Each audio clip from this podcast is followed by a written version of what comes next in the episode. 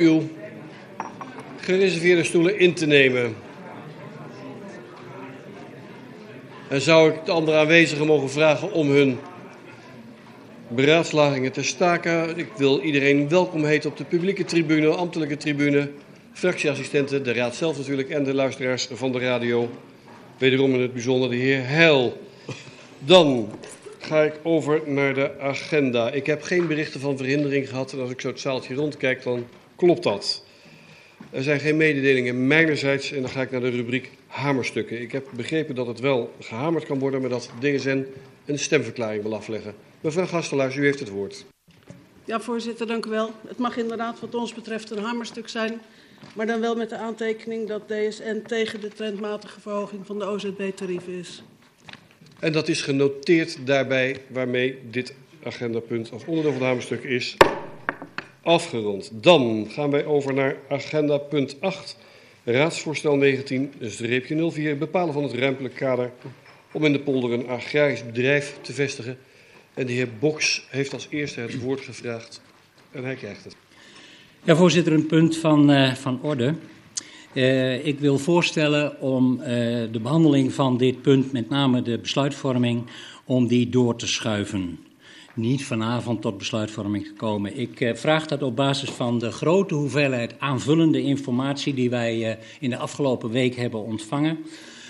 Uh, ook een groot aantal alternatieven die genoemd zijn. wij achten ons althans niet in staat om vanavond een weloverwogen besluit hierover te kunnen nemen. Vandaar dit verzoek.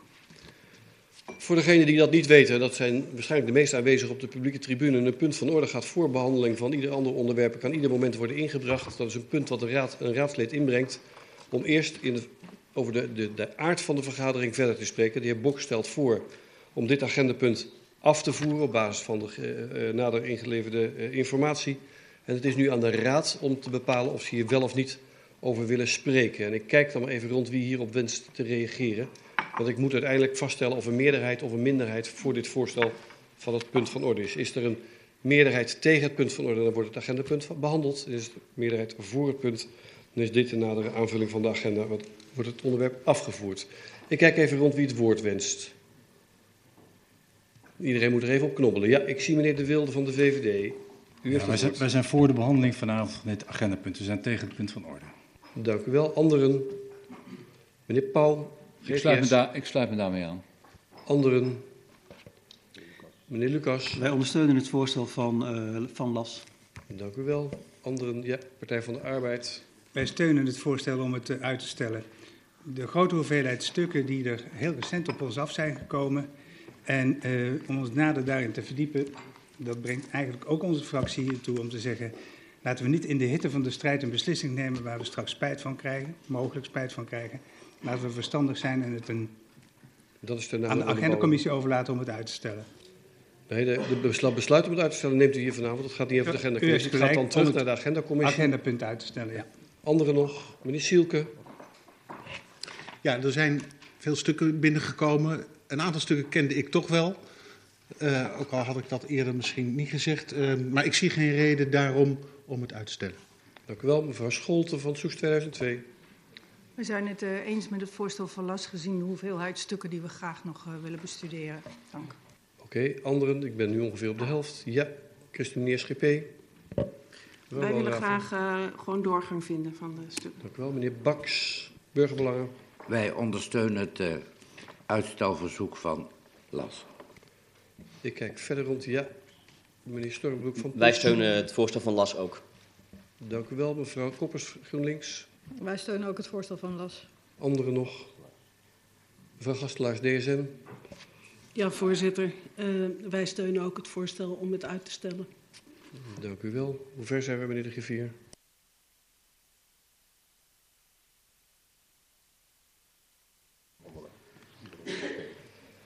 Ik zie dat samengevat de coalitiepartijen voor de behandeling zijn en de niet-coalitiepartijen niet voor de behandeling zijn. Dat zou theoretisch moeten opleveren dat een meerderheid voor is van 17 stemmen, als ik het uit mijn hoofd goed doe. 16 stemmen. Daarmee is het ordevoorstel verworpen. We tellen nog even door. Ja, het ordevoorstel is verworpen en kunnen we overgaan tot de behandeling van het voorstel. zelf. Dus het verdwijnt niet van de agenda. U bent niet voor niets gekomen, zeg ik dan, voor de publieke tribune.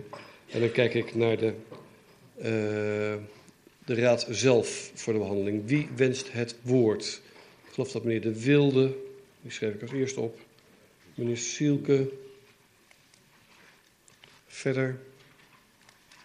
Oh, niemand verder? Oh ja, mevrouw Walraven. Mevrouw Scholten. Meneer Baks. Meneer Witloks. Meneer Lucas. Meneer Pauw. Mevrouw Koppes. Meneer Stormbroek. Meneer Boks.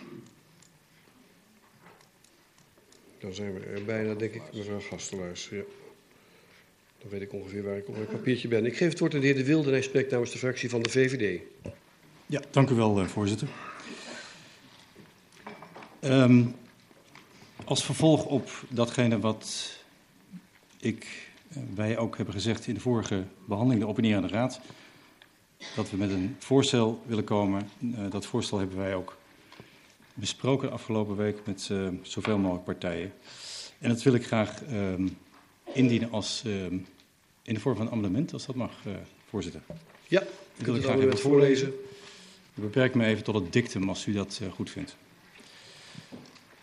Um, de tekst van het amendement, het dictum van het amendement, luidt als volgt. Um, de Raad bijeen besluit het voorgestelde beslispunt onder nummer 2 te wijzigen en onder 3 te laten vervallen. En de wijziging is dan als volgt. Samen met de aanvragen in de komende periode in de polder van Soest verder te zoeken naar, dubbele punt, bij voorkeur naar een bestaand vrijkomend en als zodanig bestemd agrarisch bouwperceel, dan wel B. Een eventueel nieuwe locatie waar reeds een bouwbestemming op aanwezig is. C. Een eventueel nieuwe locatie zonder bestemming. Hierbij sluiten we de zuidzijde van de Peter van der Bremenweg uit. D. Het zoekproces door een onafhankelijke deskundige wordt begeleid. E. Het college de raad halfjaarlijks rapporteert over de voortgang. F. Hiervoor de tijd nemen tot uiterlijk september 2020. En gaat verder over tot de orde van de dag. Namens de fractie van D66, VVD en ChristenUnie, SGP. Tot zover. Dank u wel, meneer De Wilde. Het amendement maakt nu onderdeel uit van de beraadslaging. En ook hier weer voor de publieke tribune. Dat betekent dat anderen kunnen en mogen reageren op het ingebrachte amendement. Dat dus onderdeel is dus van de bespreking die hier vanavond plaatsvindt. Ik, dat is uw verdere bijdrage daarmee ook compleet, meneer De Wilde. Ja. Uh, en u sprak namens de fractie van de VVD. Dan geef ik nu het woord aan de heer Sielke en hij spreekt namens D66. Dank u wel, meneer de voorzitter. Uh, wij staan voor de opgave om de boer Dorrestein op korte termijn een plek in de polder te geven en een open polderlandschap voor de lange termijn te behouden. Voor beide zaken is een breed draagvlak. De lange rij van insprekers afgelopen donderdag leerde ons ook dat bij een keuze tussen die twee grootheden verdeeldheid ontstaat. Sinds 2013 zijn we bezig.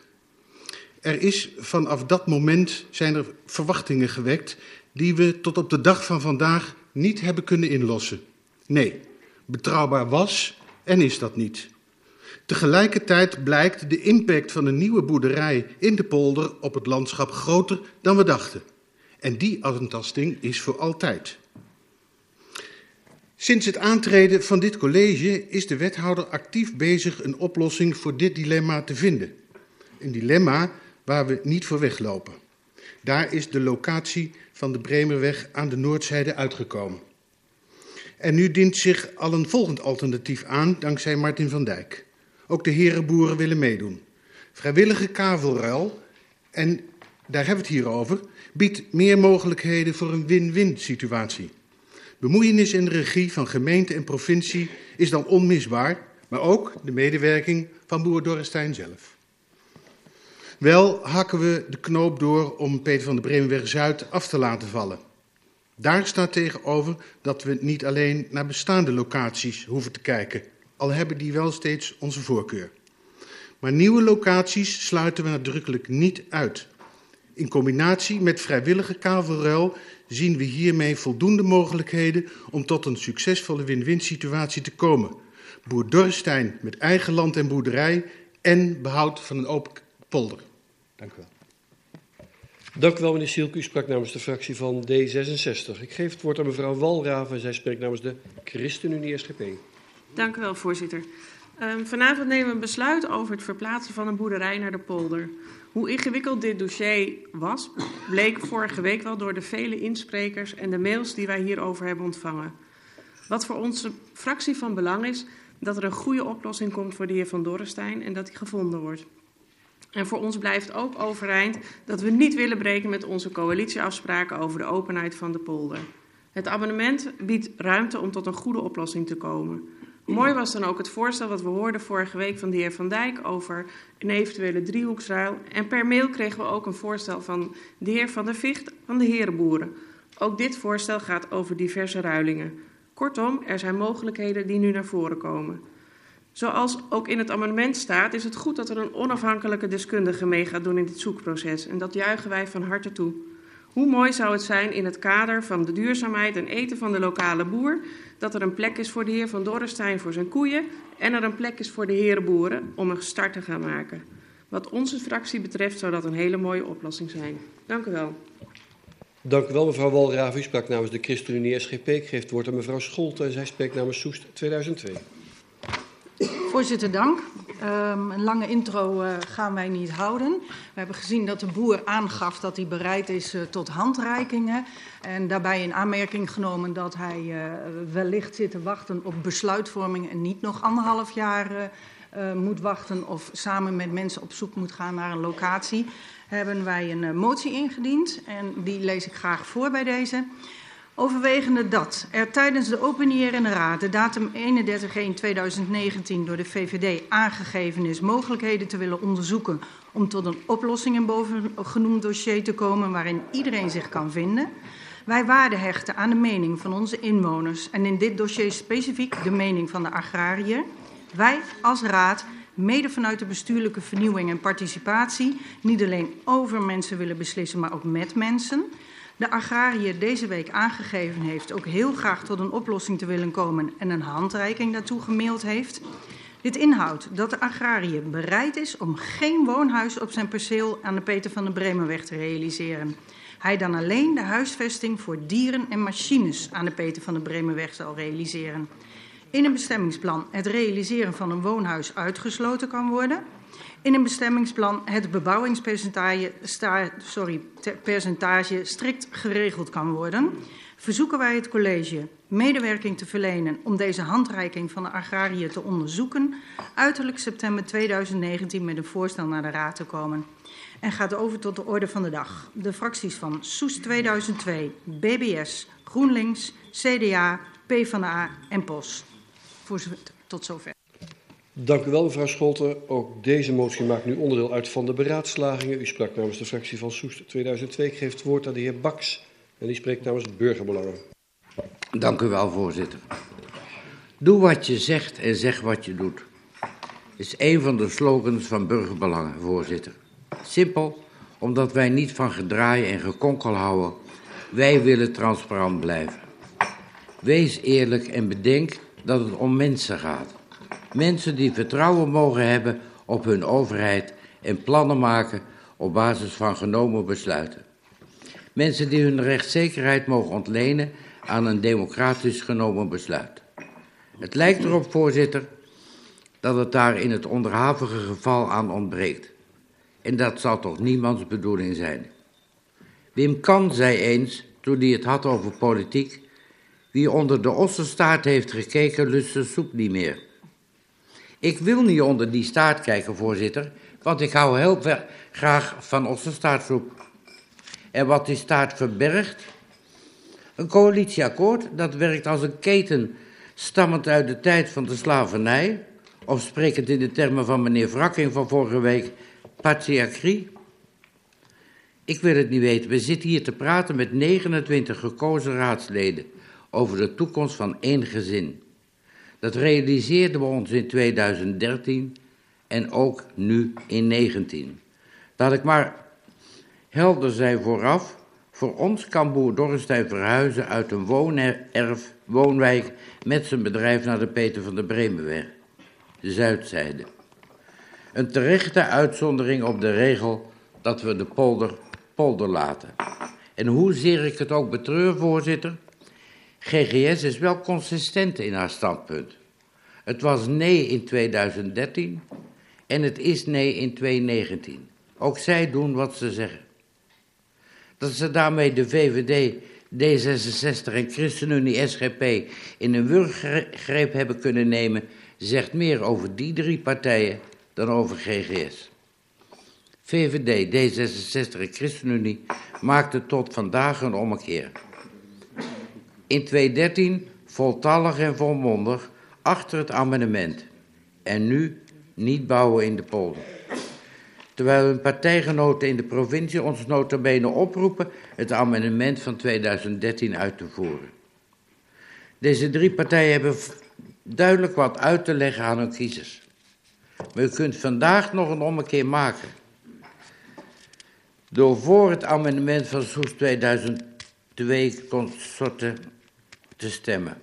Want beter ten halve gekeerd dan ten hele gedwaald. In dit dossier zijn slechts verliezers tot nu toe.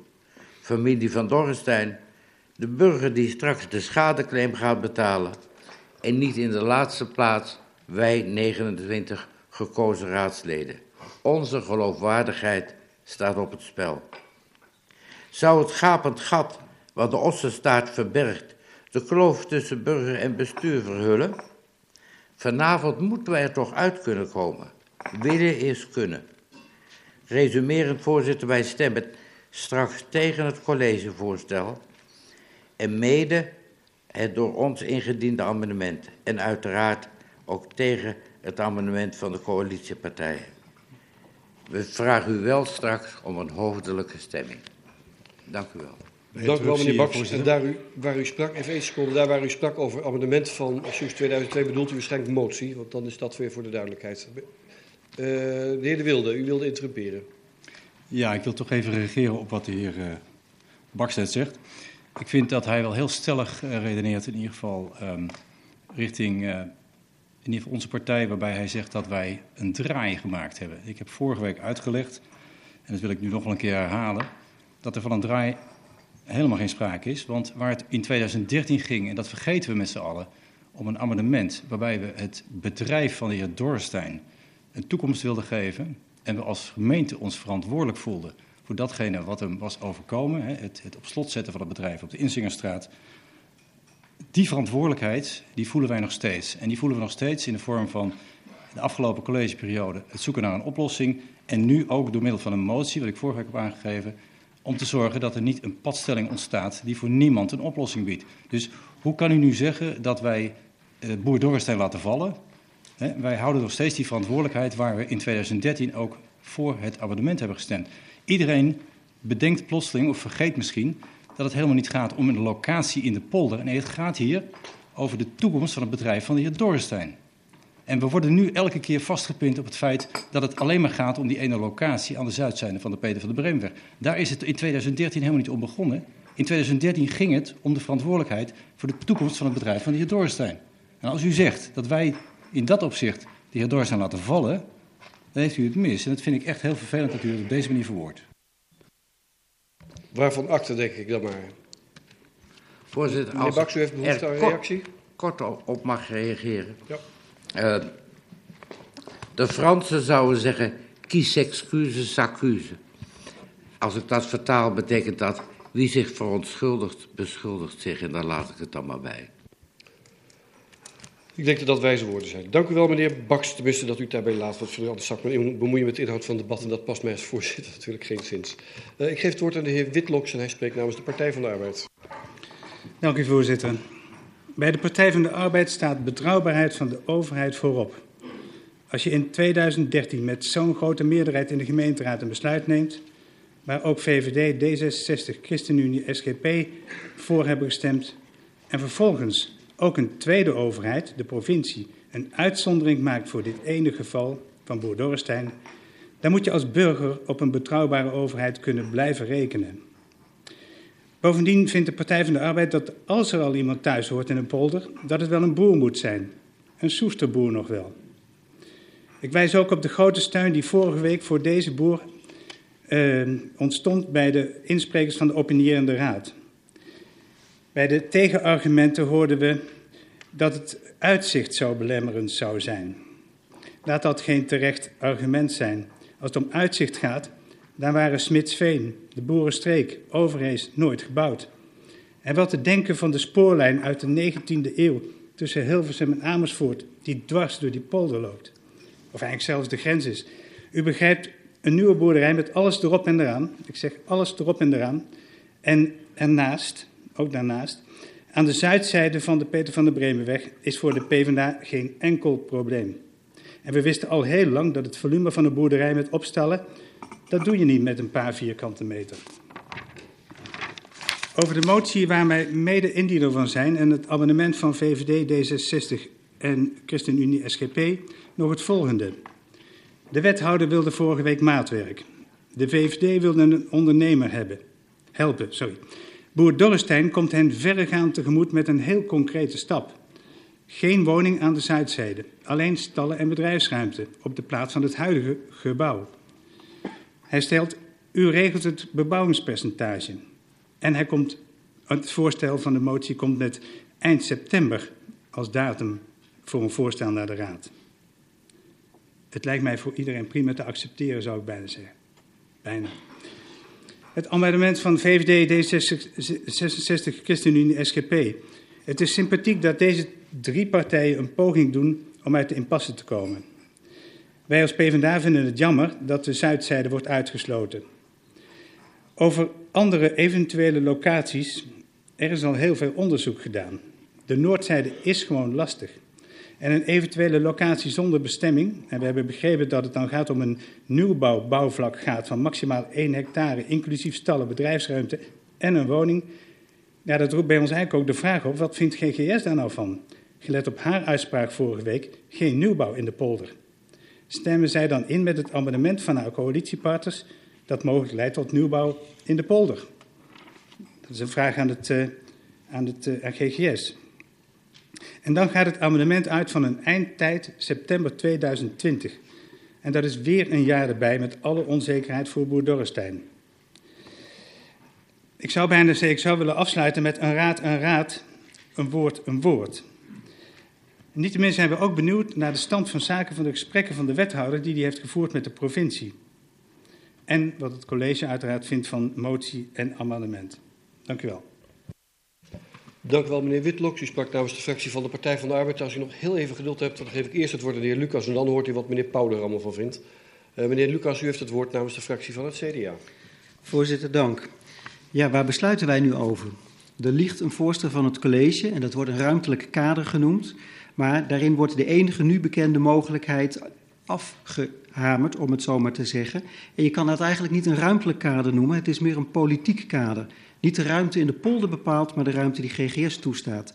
Daarnaast coalitiepartijen die een voorstel inbrengen dat gepresenteerd wordt als een verruiming, maar ook alleen maar een inperking betekent, want er gaat een streep door de enige mogelijkheid die er nu is, namelijk aan de zuidkant. En dan de mogelijkheid, dat is de motie van Soes 2002, BBS, GroenLinks, wij hebben hem zelf ook mede ingediend, dus Partij van de Arbeid en POS. Eigenlijk een onmogelijke optie als je beseft hoe belangrijk het is voor een boer om bij zijn dieren te verblijven. En hoe belangrijk een besluit voor een boer is om dat dus in de toekomst niet meer te kunnen.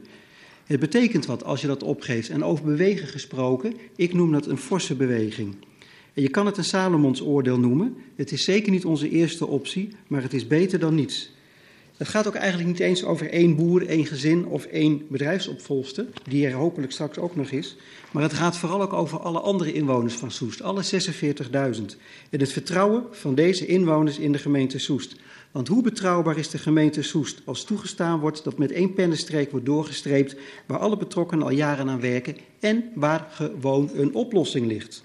Het vertrouwen in de politieke besluitvorming in de coalitie, maar in ook ons als raad, kan je makkelijk kwijtraken en maar zeer moeilijk terugwinnen. Dat gaat verder dus dan alleen maar een discussie over al dan niet een open polder. Het gaat veel meer over, zijn wij bezig met een open besluitvorming of spelen hier andere aspecten? GGS zou ik het volgende willen vragen. U heeft al een paar keer aangegeven dat u de grootste bent. Dat weten wij. Dat wil zeggen, u bent hier in de Raad de grootste partij. Maar we zijn met 29 en buiten de Raad zijn er nog 46.000 inwoners. En die begrijpen het als u kiest voor rechtvaardigheid. Als u het gemeentebelangen in uw naam stelt boven het partijbelang. Kies voor rechtvaardigheid. Een coalitie kan opengebroken worden.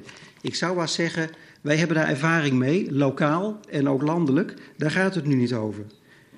U bent de grootste, maar u bent groot, in ieder geval in mijn ogen, als u over uw schaduw heen kunt stappen en ofwel zelf ofwel anderen toestaat de door u zelf opgeworpen blokkade voor Van Dorrestein op te heffen. U staat nu voor de keuze voor of tegen een betrouwbare gemeente Soest.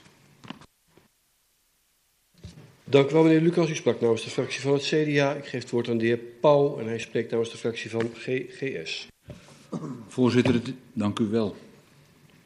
Het is duidelijk, de fractie van GGS is nooit voorstander geweest van de vestiging van een nieuw agrarisch bedrijf in de polder. GGS was destijds de enige partij die niet instemde met het amendement om een wijzigingsbevoegdheid op te nemen in het bestemmingsplan landelijk gebied. Om nieuwbouw aan de locatie Peter van der Bremen mogelijk te maken, eh, is er destijds het besluit voorgelegd aan de provincie en eh, des, door de Raad van State eh, om onvoldoende eh, argumenten eigenlijk weer op slot gezet. We werden eigenlijk teruggewezen. Na een periode eh, werd er gecreëerd door de provincie dat er een wijziging mogelijk was. Om, ruimtelijke, om ruimte te geven voor een specifieke locatie aan de zuidkant van de Peter van der Bremenweg. De afgelopen verkiezing per, raads, uh, na de afgelopen raadsverkiezingen trad een nieuw college aan. Dit college besloot om het verzoek voor een voorbestemmingsplan voor een nieuwe uh, agrarische bouwperceel in behandeling te nemen af te wijzen. De fractie van GGS vindt het niet meer dan logisch. Waarom? Omdat er een coalitieakkoord is waarin duidelijk is afgesproken bouwen binnen de rode kantoren en bescherming van de polder. Onze fractie wil de zuidkant van de Peter van der Bremenweg openhouden. Hier een knots van een loods neerzetten als boerderij, tast de openheid van de Soester polder aan. Aan de noordzijde van de Peter van der Bremenweg is weliswaar sprake van bestaande lint met bebouwing, maar onze voorkeur blijft toch eh, eh, uitgaan naar de mogelijkheid te onderzoeken naar bestaande percelen, locaties. Nieuwbouw heeft niet onze voorkeur. Waarom niet? Omdat er meer agrarische bedrijven in Nederland stoppen. Mede daarom moeten wij zorgvuldig uh, kijken naar bedrijven uh, dat zij zeg maar, levensvatbaar zijn en door kunnen gaan tot de toekomst. Dat moet heel helder zijn als straks een bestemmingsplan wijzigt. Formeel kan in de polder geen nieuwbouw uh, komen, aangezien er geen uh, landbouwontwikkelingsgebied is. Alleen daarom is het al wenselijk om een bedrijf te vestigen op bestaande bouwlocaties op besta of percelen. Pas als deze mogelijkheden allemaal zijn bekeken en gewogen, kan er gekeken worden naar een eventuele nieuwbouwlocatie. Onze fractie heeft moeite met het laatste. Maar uh, heeft er tevens begrip voor dat er absoluut, uh, als er absoluut geen mogelijkheden zijn, uit coulance met ondernemers gezocht worden naar een nieuwe mogelijkheid in het aangegeven zoekgebied. Boeren in Soest zijn inmiddels de hoeders van ons landschap. Boeren dragen zorg voor lokale voedselproductie en zijn onlosmakelijk verbonden met natuurontwikkeling. Nu en in de toekomst. Wellicht komt er nog een creatieve oplossing, bijvoorbeeld in samenspraak met de boeren in Soest, waar ook GGS mee kan instemmen. Laten we duidelijk zijn. GGS is niet tegen deze agrariër, maar wil uh, geen nieuwbouw in de polder. Om de zuidzijde van de Petervenbeef te behouden in huidige vorm benadrukken we nog een aantal argumenten. De openheid van de polder moet behouden blijven. De ontwikkeling van het landschap, van het Eemlandse, is eh, van wezenlijk belang dat open ruimte behouden blijft en versterkt wordt. Weilanden bepalen het aangezicht in landelijk Soest. Eemland in, uh, in Soest is, een groot, is geen landbouwontwikkelingsgebied. Zowel de gebiedskern uh, Eemland, provinciale ruimtelijke versie, visie, de gemeentelijke gebiedsvisie landelijk gebied en het bestemmingslandelijk landelijk gebied geven aan dat openheid van de polder het belangrijkste uitgangspunt is voor de eenpolders. Al deze argumenten zijn van toepassing. Voorzitter, ik wil nu antwoord geven op uh, de vragen van uh, twee van de collega's, van de, uh, eerste van de PvdA. ik heb net een, volgorde genoemd. Als daar op een gegeven moment uitkomt dat er geen, echt geen mogelijkheid is, willen we best kijken naar een nieuwe mogelijkheid binnen het, om dat in wezen ermee in te stemmen. Maar wel als er een aantal zaken zeg maar, zijn afgelopen. Uh, dan uh, meneer Lucas van, van CDA zei nog iets dat het over de betrouwbaarheid ging. GGS is betrouwbaar, want ze hebben dus heel duidelijk aangegeven dat zij zeg maar, tegen bebouwing zijn van de polder. En dit is daar een uitvloeisel van. U kan dat zeggen van ja, er zijn ook andere dingen die je moet meewegen. Maar wij hebben ons heel duidelijk geprofileerd uh, naar de kiezers van Soest. En u heeft het resultaat gemerkt. Voorzitters, alvorens, voorzitter, alvorens wij ons standpunt over het amendement kenbaar maken, heeft de fractie nog een vraag aan het college. College, is het mogelijk om voordat wij eventueel besluiten mee te werken aan het in gang zetten van een procedure van een bestemmingswijziging, de Agrarische Beoordelingscommissie, de zogenaamde ABC-commissie, te verzoeken onderzoek te doen naar het betreffende bedrijf uh, en dan te toetsen naar de volwaardigheid. Normaal gebeurt het altijd bij het bestemmingsplan, maar ik denk dat het misschien goed is om een stuk ongerustheid weg te nemen, dat je dat in een eerder fase gaat doen. Uh, graag hebben we daar een antwoord op, alvorens wij een standpunt innemen over het amendement. Voorzitter, bij interruptie. Meneer Boks. Een vraag aan uh, meneer Pauw. Um, en ik heb u die vraag eerder vandaag gesteld. Um, u heeft een aantal argumenten genoemd, maar welk van die argumenten is nieuw? Welk van die argumenten speelde niet in 2013 toen u ook tegen uh, dit voorstel was? Welke van deze argumenten zijn nieuw en zijn toen niet meegewogen? Meneer Pauw. Het grootste verschil is dat wij nu in een uh, zeg maar, uh, situatie zitten dat de agrarische sector het heel moeilijk heeft. Dat er heel veel agrarische bedrijven sluiten en dat komt erbij. Dus je moet eigenlijk proberen gebruik te maken van de bestaande locaties.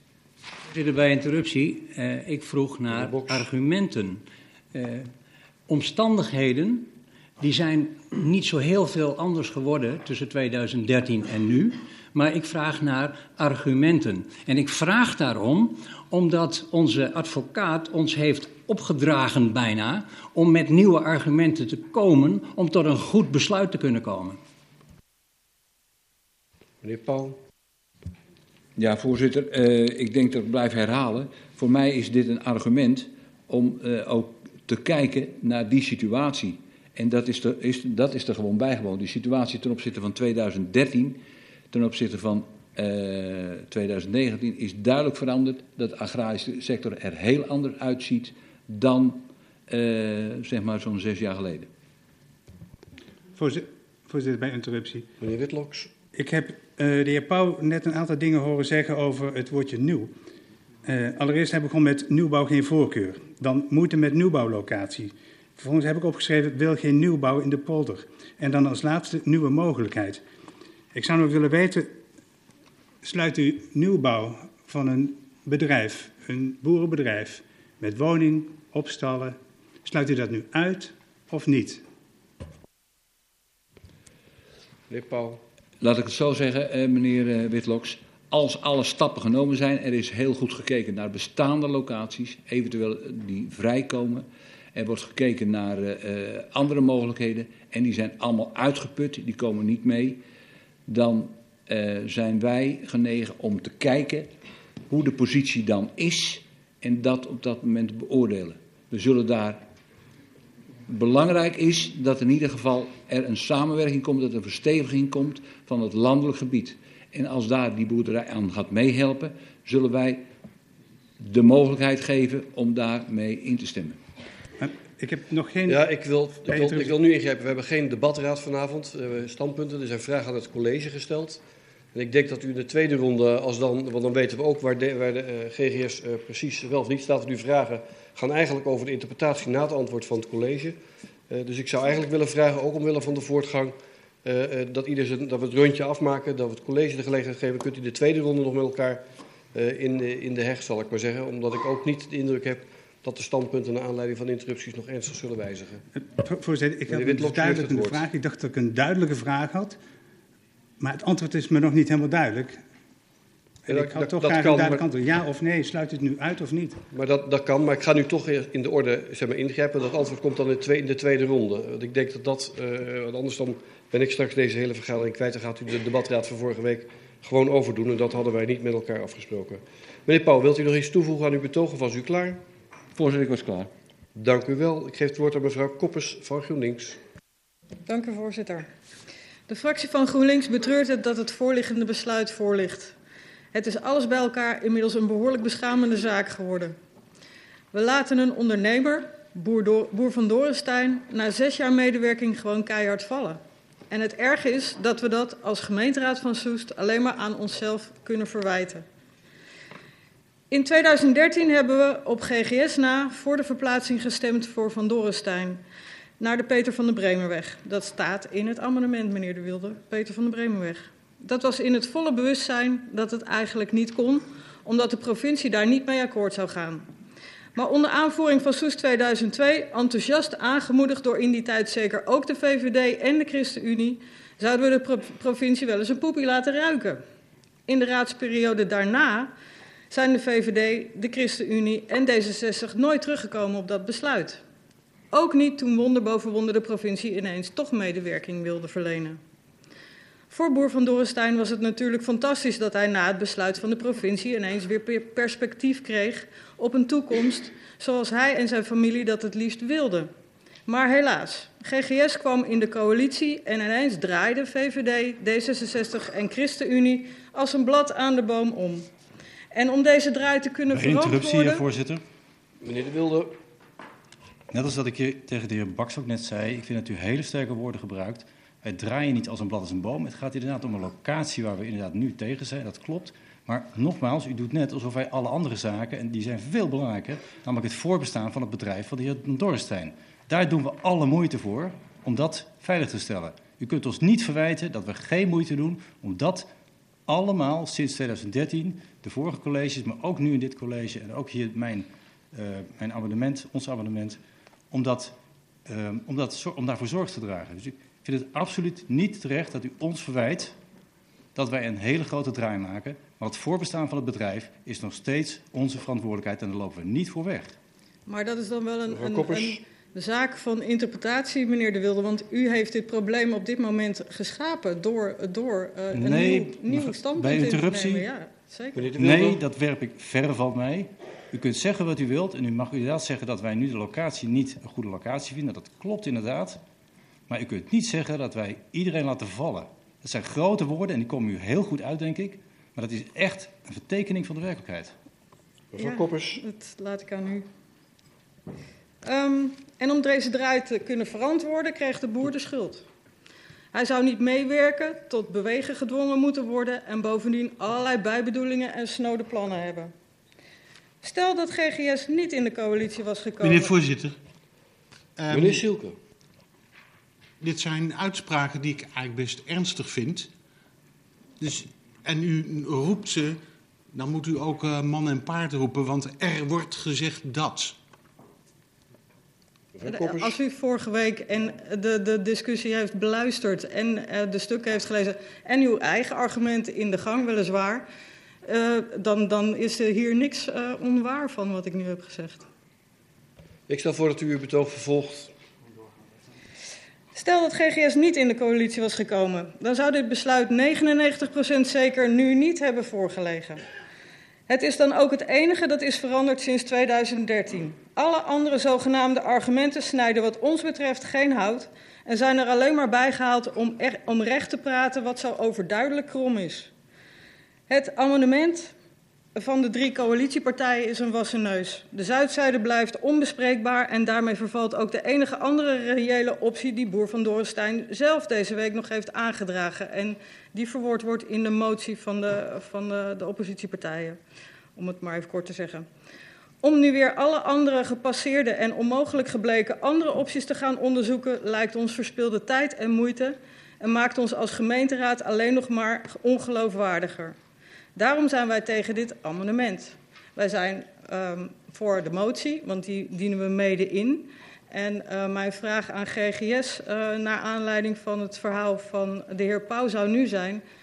Gaat u, wel, gaat u nu wel, u gaat niet akkoord met de zuidzijde sowieso. Gaat u nu wel akkoord met de noordzijde? Want als dat niet zo is, dan bent u dus ook tegen het raadsvoorstel, gaan wij vanuit. Meneer Pauw, wilt u reageren? Uh, ik wil best reageren. Uh, mevrouw uh, Koppers, ik heb heel duidelijk gezegd... wij staan, sluiten in wezen Zuid uit. De rest, als dat nodig is, ga onderzoeken. En het voorstel wat er dan uitkomt, dat zullen we op dat moment beoordelen. En ik kan u nu niet zeggen van, we gaan goed, goed, goed ja zeggen. Nee, ik wil dan de impact echt zien. Heb ik u vorige week al gezegd. Ja, misschien kunt u de microfoon open doen, maar dan kan iedereen voor. Ik geloof dat ik u zei tegen het dus raadsvoorstel. Dat, dat, dat was uw vraag aan tegen het raadsvoorstel gaat stemmen, want daar staat duidelijk de locatie Noordzijde tussen 7 en 9 of 75, vergeet ik altijd, in. Ja, uh, voorzitter, uh, mevrouw. Uh, er ligt ook een amendement. dus daar wordt dat Noordzijde, zeg maar, eigenlijk er al afgehaald. Vorige week heb ik al gezegd dat ik geen voorstander was van de Noordzijde. Voorzitter, bij interruptie, uh, even voor de helderheid. Uh, die Noordzijde wordt in het amendement er volgens mij niet afgehaald. Want die staat in de overwegingen zelfs met name genoemd. Dus... Maar zullen we dat dan na de beantwoording van het college doen? Dan, kan, dan kunnen de fracties zich nogmaals duidelijk uitspreken wat ze nou precies bedoelen omdat het anders, in ieder geval, ik weet ongeveer waar het over gaat, maar ik denk dat heel veel andere mensen echt anders de, het pad van het pad zijn. Ook omdat de overwegingen niet allemaal zijn voorgelezen. Als meneer Pauw daarmee klaar is, zou ik het woord aan de heer Stormbroek willen geven. En hij spreekt namens de fractie van POS. Uh, dank u wel, uh, voorzitter. Hier zitten wij weer, nadat we vorige week al een indrukwekkende bijeenkomst hebben gehad. 18 insprekers deelden hun mening met deze raad. Nu zitten wij hier weer, zoals gezegd, maar nu om een besluit te nemen over het lot van een echte Soester boerenfamilie. Een lot dat wederom in de handen ligt van die evenzo Soester gemeenteraad. Voorzitter, het is geen nieuws als ik zeg dat veel Nederlanders al lang het vertrouwen zijn verloren in de politiek. Dat proefde ik vorige week ook sterk. Veel insprekers gaven aan het onbegrijpelijk te vinden dat de gemeenteraad het weer moet hebben over Boer van Dorrestein. Eigenlijk alleen omdat er een andere politieke wind waait. Er is ook in Soest een kloof tussen inwoners en politiek. En die kloof heeft er mede toe geleid dat POS in deze raad zit. De hele kwestie waar we het vanavond over hebben, maakt die kloof, als we niet uitkijken, alleen maar dieper. Ik denk dan ook dat wij met z'n allen in deze gemeenteraad daar goed bij stil moeten staan. En bij onszelf ter rade moeten gaan. Hoe het zover heeft kunnen komen. Voor of tegen verhuizing van een familie van Dorrestein naar de polder zijn of niet, dat is misschien niet eens het belangrijkste. Het gaat om het vertrouwen dat we hier met z'n allen een goed, eerlijk en afgewogen oordeel vormen en hoe wij dat met z'n allen uitleggen aan onze inwoners. Voorzitter, sinds vorig jaar is de familie van Dorrestein weer leidend voorwerp geworden binnen de Soester politiek. Leidend in de breedste zin van het woord.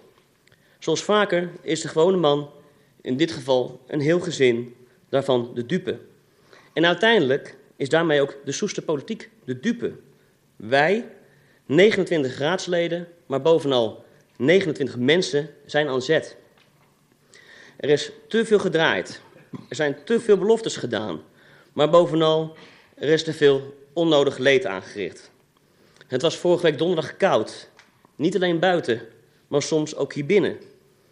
De soms filijn uitgesproken onvrede die ik heb moeten aanhoren en aanvoelen over de pijn op een extra boerderij aan een toch al bebouwde straat, zat in geen verhouding met de pijn van gebroken beloften, verdachtmakingen en het gevoel van radeloosheid die de familie van Dorrestein ten deel moet vallen. Voorzitter, wij zijn als POS groot voorstander van het behouden van de unieke landschappelijke waarden in de gemeente Soest. Van haar Eng en Soesterduinen tot het Park Vliegbasis Soesterberg en de Oude Tempel. En ja, POS is ook voor het behoud van het open, van oudsher door boeren onderhouden en bewerkte Eemland. De vrijheid van de polder mag echter in ons inziens niet leiden tot de leidensweg van één familie. Daar moet vanavond terdege rekening mee worden gehouden. Wij zijn tegen bouwen in de polder, maar nog meer tegen onrechtvaardigheid. Wij zijn mede-indiener van de motie van Soest 2002, omdat die ook de geste van de familie van Dorrestein meeneemt. Die kan zelfs de coalitie niet weigeren. Zonder aanname van die motie zijn wij dus tegen het raadsvoorstel zoals dat er nu ligt. Er zijn geen nieuwe feiten of argumenten op tafel gekomen die een ander besluit kunnen rechtvaardigen. Wij hopen dat de raadsleden van de coalitiepartijen dat ook willen inzien. En ook tegen het raadsvoorstel kunnen en durven stemmen. Omdat het de enige juiste, geloofwaardige en rechtvaardige beslissing is. Als raadslid, maar bovenal als mens. Wij steunen dan ook het voorstel van BBS om tot een hoofdelijke stemming over te gaan. Dank u wel, voorzitter. Tot zover. Dank u wel, meneer Stormbroek. U sprak namens de fractie van POS. Ik geef het woord aan de heer Boks en hij spreekt namens LAS. Ja, voorzitter. Omdat ik uh, de hoop had dat wij vanavond hier uh, niet uh, dit besluitvormende debat zouden hebben, heb ik niet een vlammend betoog voorbereid, zoals ik dat van mijn buurman net hoorde, zoals ik dat van de CDA heb gehoord, van GroenLinks, van meneer Baks. Allemaal heel oprechte oproepen om tot een rechtvaardig en goed besluit te komen. Betrouwbaarheid staat bij LAS heel hoog in het vaandel. Partijbelang speelt in dit soort situaties en in dit soort discussies bij ons geen enkele rol en zal dat ook nooit doen. Het gaat om de zaak zelf. En ik heb vanavond gevraagd om het uit te stellen omdat wij documenten hebben gekregen die het raadsvoorstel moeten ondersteunen, waar zelfs gewoon aperte onwaarheden in staan, waarin eh, zaken gestuurd worden. Als ik één zin mag halen uit de brief van de advocaat, die nog eens een keer weer een advies heeft gegeven aan het college, dan staat daarin van gemeentezijde is niet uitdrukkelijk verzocht om in het provinciaal beleid ruimte te bieden voor een hervestiging aan de zuidzijde van de Peter van de Bremenweg. Ik zou bijna gaan vloeken, maar dat ga ik hier niet doen. Ik ben in 2014 naar de provincie geweest samen met uh, de fractievoorzitter van de VVD en heb bij de gedeputeerden dit daar gevraagd namens de gemeente Soest. En nu dan zeggen, want dit is wat vanuit dit huis aangegeven is aan de, aan de advocaat, dat dat er niet zou zijn geweest. Nou, daar, laat ik daarmee stoppen, want daar word ik alleen maar ontzettend verdrietig van. Maar nog veel belangrijker, dit gaan zaken worden die ons voor de voeten gaan lopen op het moment dat dit besluit straks aan de Raad van State wordt voorgelegd. En wat gaat het gevolg zijn? Op zijn minst dat wij als Soest de portemonnee mogen trekken. En dat gaat niet om een paar tientjes. Dat gaat om veel geld. Laten we met elkaar zorgen dat we een goed besluit vanavond nemen. Geaccepteerd dat de, uh, de wijze waarop GGS erin zit, dat ze dat voor zichzelf heel goed en ook als gevoel betrouwbaar in kunnen brengen. Maar GGS verwart betrouwbaarheid met consistent beleid. Een gemeenteraad die een besluit neemt, dat heb ik van onze voorzitter geleerd, een aantal jaren geleden.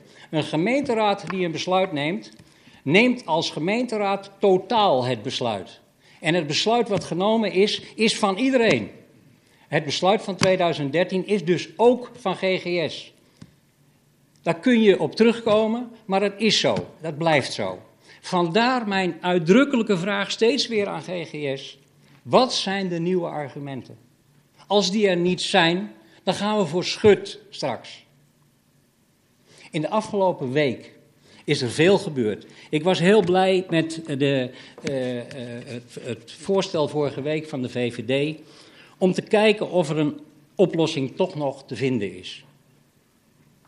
Ook dat beoordeel ik als een oprechte poging om tot een oplossing te komen. Maar als ik dan hier zie wat voor een amendement hiervoor ligt, waarin uh, gezegd wordt niet meer en niet minder. Zuidzijde gaan wij in ieder geval nooit toestaan. Dat besluiten we dan vanavond. En we gaan een aantal alternatieven bekijken. Maar wat is de geloofwaardigheid van die alternatieven? Er staat hier weer uh, uh, de uh, kavel tussen 7 en 9 aan de noordzijde staat erin, in dit amendement. Nou, daar hebben we inmiddels van gehoord dat dat een onmogelijkheid is.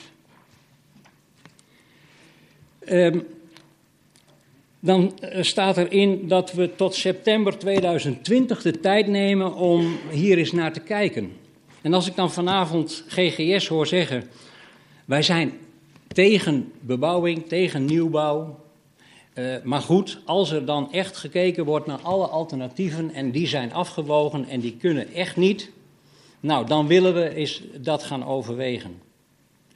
Moeten we dan tot september 2020 wachten of er nog weer een, ergens een bouwperceel vrijkomt? En gaan we daarna dan kijken of we uh, kunnen gaan bouwen? Of kan dat sneller? Er is een, uh, een motie ingediend. Die heeft last niet mede ingediend. Niet omdat we uh, denken van, goh, als dit zou kunnen, dat dat, dat dat niet hartstikke mooi zou zijn. Maar wel omdat we een voorstel hebben om deze motie in te voegen in het amendement. Als een mogelijkheid om tot een oplossing te komen. En als we dan ook de tijd nog eens wat kunnen beperken, dan is er wat last betreft zaken te doen vanavond. En dat zou dan wel betekenen dat in het dictum uh, de zuidzijde voor wat betreft woonfunctie uitgesloten moet zijn. Anders is het alternatief zoals het in, het, uh, in de motie staat uh, niet, niet mogelijk. Dus dat zou ik voor willen leggen. Dat is dan ook een vraag aan het college om daarover na te denken, om hun reactie daarop ook te geven. Om te kijken of we in die richting tot een oplossing kunnen komen. Tot zover, voorzitter. Dank u wel, meneer Boks. U sprak namens de fractie van LAS. Tot slot geef ik het woord aan mevrouw Gastelaars en zij spreekt namens DSN. Ja, voorzitter, dank u wel. Um, ja, vorige week 18 insprekers, voor- en tegenstanders, de familie van Dorrestein op de tribune. Indrukwekkend betoog van dochter Monique, de VVD, die uiteindelijk de angel uit de discussie leek te halen door te pleiten voor nieuw overleg en een snelle oplossing. Maar toen kwam die oplossing en dat was een amendement waarmee op elke locatie in de polder gebouwd zou kunnen worden, met of zonder bouwbestemming, maar niet aan de zuidzijde van de Peter van de Bremenweg. En die zoektocht die zou tot september 2020 kunnen duren. Wat ons het meest opviel, is die zoektocht tot 2020. Alsof er in de achterliggende jaren niet gezocht is. Of, wat de familie van Dorrestein vandaag bij mij liet weten... het voorstel van D66 en VVD... ik voeg er nu ChristenUnie SGP aan toe... is volstrekt idioot. Meer dan anderhalf jaar zoeken naar een andere passende locatie... waar al meer dan tien jaar naar gezocht is. Um, en wat voor ons ook een, een dingetje is in dit amendement... er zit geen enkele resultaatverplichting in. Het college mag zoeken tot de boer is omgevallen. Maar misschien is dat de bedoeling, dat weten we niet. Toen uh, kwam het plan van de herenboeren langs. De grondruil met Lanser, waardoor aan de hooiweg iets heel moois zou kunnen ontstaan. Uh, lokaal biologisch vlees van Van Dorrestein, natuur inclusieve groenten, aardappelen, fruit, vlees en uien van de herenboeren en biologische melkproducten van Van Dijk. Dat klonk ook zo mooi. Prachtig, mooi gebied, mooi ingetekend. Maar inmiddels hebben we uit berichten van de familie van Dorrestein begrepen dat de familie Lanser niet wil verkopen. Dus uh, ook daar staat een streep doorheen. Bovendien zou je je moeten afvragen of je die ontwikkeling aan de hooiweg wil hebben, omdat dat uh, heel veel verkeersdrukte met zich meebrengt. En verkeersdruk was destijds bij de uh, zorgboerderij, de besluitvorming over de zorgboerderij, daar uh, was al een punt. Dus het zal nu ook een punt van zorg zijn geweest. Blijft de driehoeksruil over. Mooi punt, hebben we verder niet meer over gesproken. Maar dan ga je bouwen in de echte polder. Want tenslotte is de eenpolder de echte polder. Dat, die, die Peter van de Bremenweg is buitengebied, is landelijk gebied. Hartstikke mooi, moeten we vrijhouden. Maar het is niet de echte polder. Dus ik weet niet of iedereen dan zo blij wordt met bouwen in de echte polder. Dan kom ik bij de motie van uh, Soes 2002 en, uh, en de andere oppositiecollega's. Die hebben wij niet getekend, want het ruimte bieden aan de huisvesting van dieren en machines op het perceel Peter van der Bremenweg Zuidzijde zonder woning. Het is een handreiking van de agrariër zelf. Maar die weet natuurlijk ook wel dat bij een nieuw college en een succesvolle bedrijfsvoering die woning er ook wel komt. Het is gewoon een stapje even afwachten. En wat ons betreft is het best een hele sympathieke motie. Maar over wat voor bouwvolume praten we hier? Uh, volgens het bestemmingsplan, het huidige bestemmingsplan, mag de veldschuur vernieuwd worden en iets vergroot. Uh, maar uit de motie die voor ligt, en daar zou ik graag verduidelijking over willen hebben, blijkt ons niet wat hier de plannen van zijn. Is dat het, bedoelt u eigenlijk hier te zeggen, ruimte bieden aan het ingediende bouwplan van de agrariër minus de woning? Voordat we dus een antwoord geven op uw motie, willen we daar graag uh, antwoord op hebben. Uh, tot zover, voorzitter. Dank u wel, mevrouw Gastelaars van DSN. En u krijgt uw antwoord onmiddellijk van mevrouw Scholten. Voorzitter, dank. Uh, mevrouw Gastelaars, er ligt een plan, een voorontwerp is er neergelegd door de boer en die heeft daar een, een woning neergezet of bedacht en uh, huisvesting voor dieren en machines. Ik zou me zo voor kunnen stellen, nu hij die handreiking doet, dat er graag een overleg gaat met de wethouder over de bebouwing die dan nodig is om de dieren en de machines te huisvesten. Dus ik kan u op dit moment echt niet zeggen wat het voor gevolgen in de ruimte heeft. Maar dat zou iets zijn waar ze zeker met elkaar een oplossing in kunnen vinden. Dank u wel, mevrouw Scholten, voor dit antwoord aan mevrouw Gastelaars. Dan denk ik dat we de eerste termijn kunnen afsluiten. Er zijn een motie en een amendement ingediend en vragen gesteld aan het college. Wethouder Dijkhuizen, kunt u kort en bondig de raad van repliek dienen? Ik ga mijn best doen, eh, voorzitter. Dank u wel. De eerste vraag die ik eh, heb genoteerd kwam van eh, het PvdA. En u zei eigenlijk, wat is de status van de gesprekken die u met de provincie heeft gevoerd de afgelopen week? Ik kan u daarop zeggen dat ik afgelopen week uitvoerig contact heb gehad met de provincie. Um, daarbij zijn allerlei uh, zaken besproken en we hebben uh, met elkaar verkend ook van, maar wat zou er nu gebeuren als met name het plan wat uh, meneer Van Dijk hier ook naar voren bracht, als we dat zouden gaan uitvoeren. En eigenlijk is de kern van ons gesprek geweest, um, hoe meer mensen profijt zouden kunnen hebben, hoe meer agrariërs een betere toekomst zouden kunnen krijgen bij dit plan, hoe beter het zou zijn.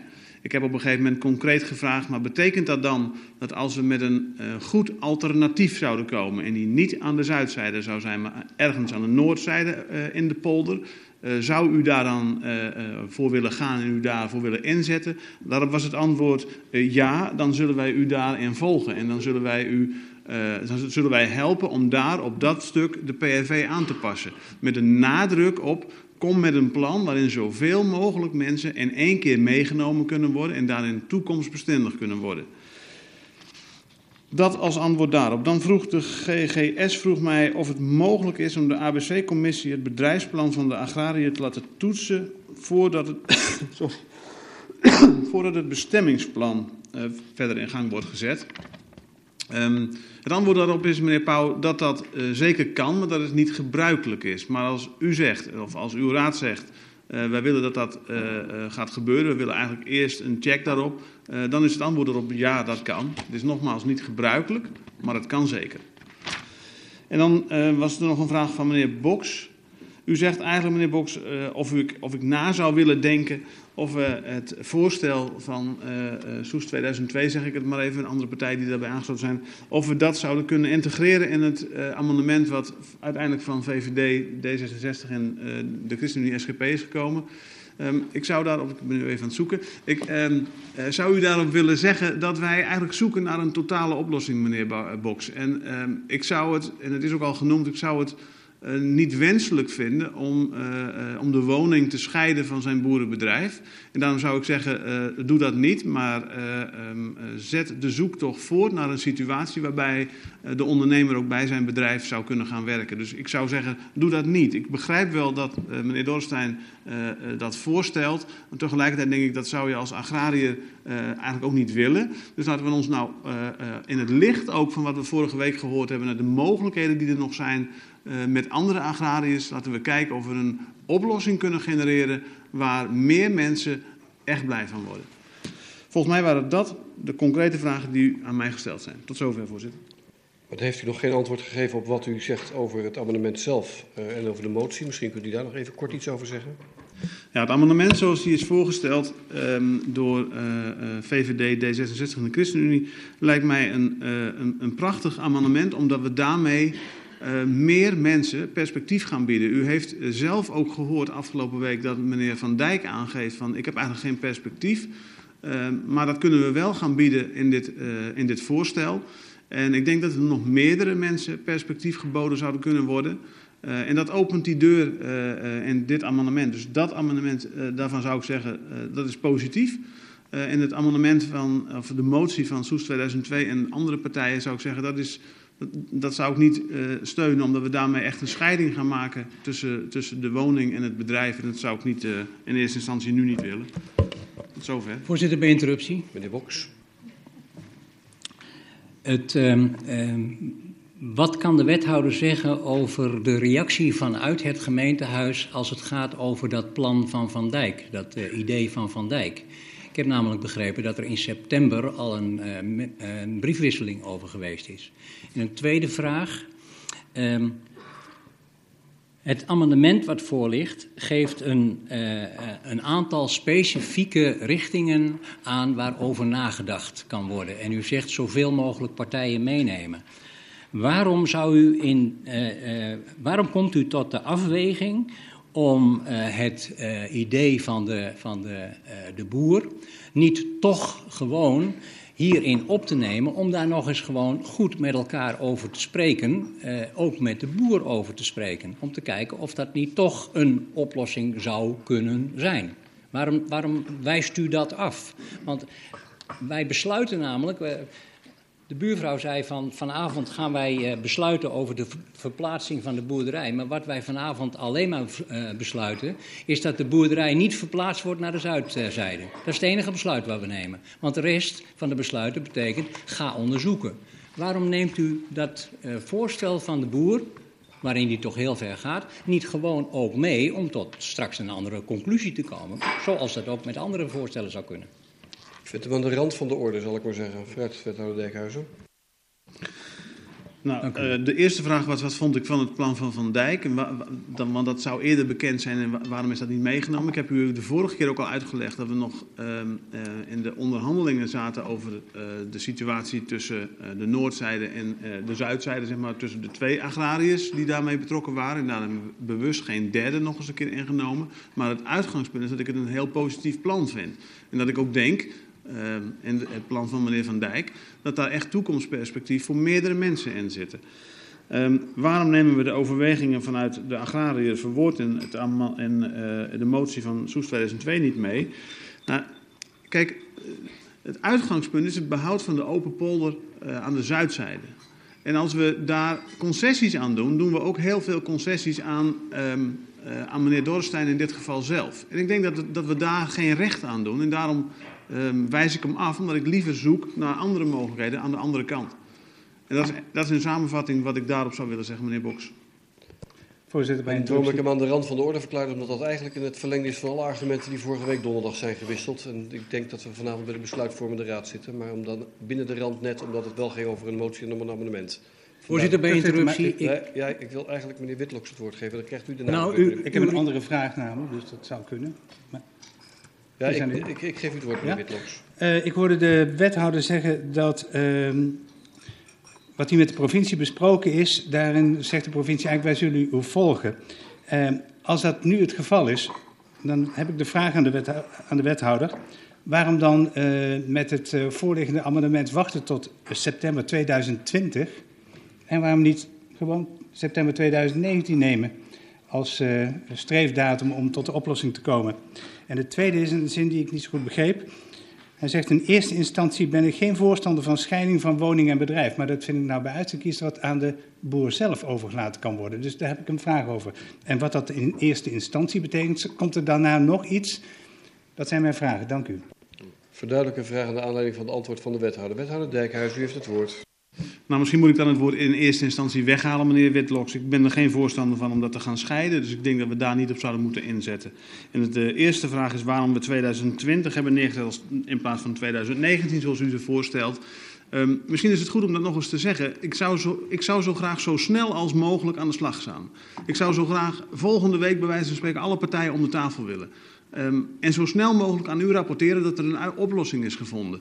Uh, niet, niet voor niks uh, ben ik blij met, het, met de opmerking dat we in ieder geval halfjaarlijks gaan rapporteren aan u. Uh, waarin ik ook iets wil laten zien. En ik vind dat dus ook een prima voorstel van we, we maken er haast mee.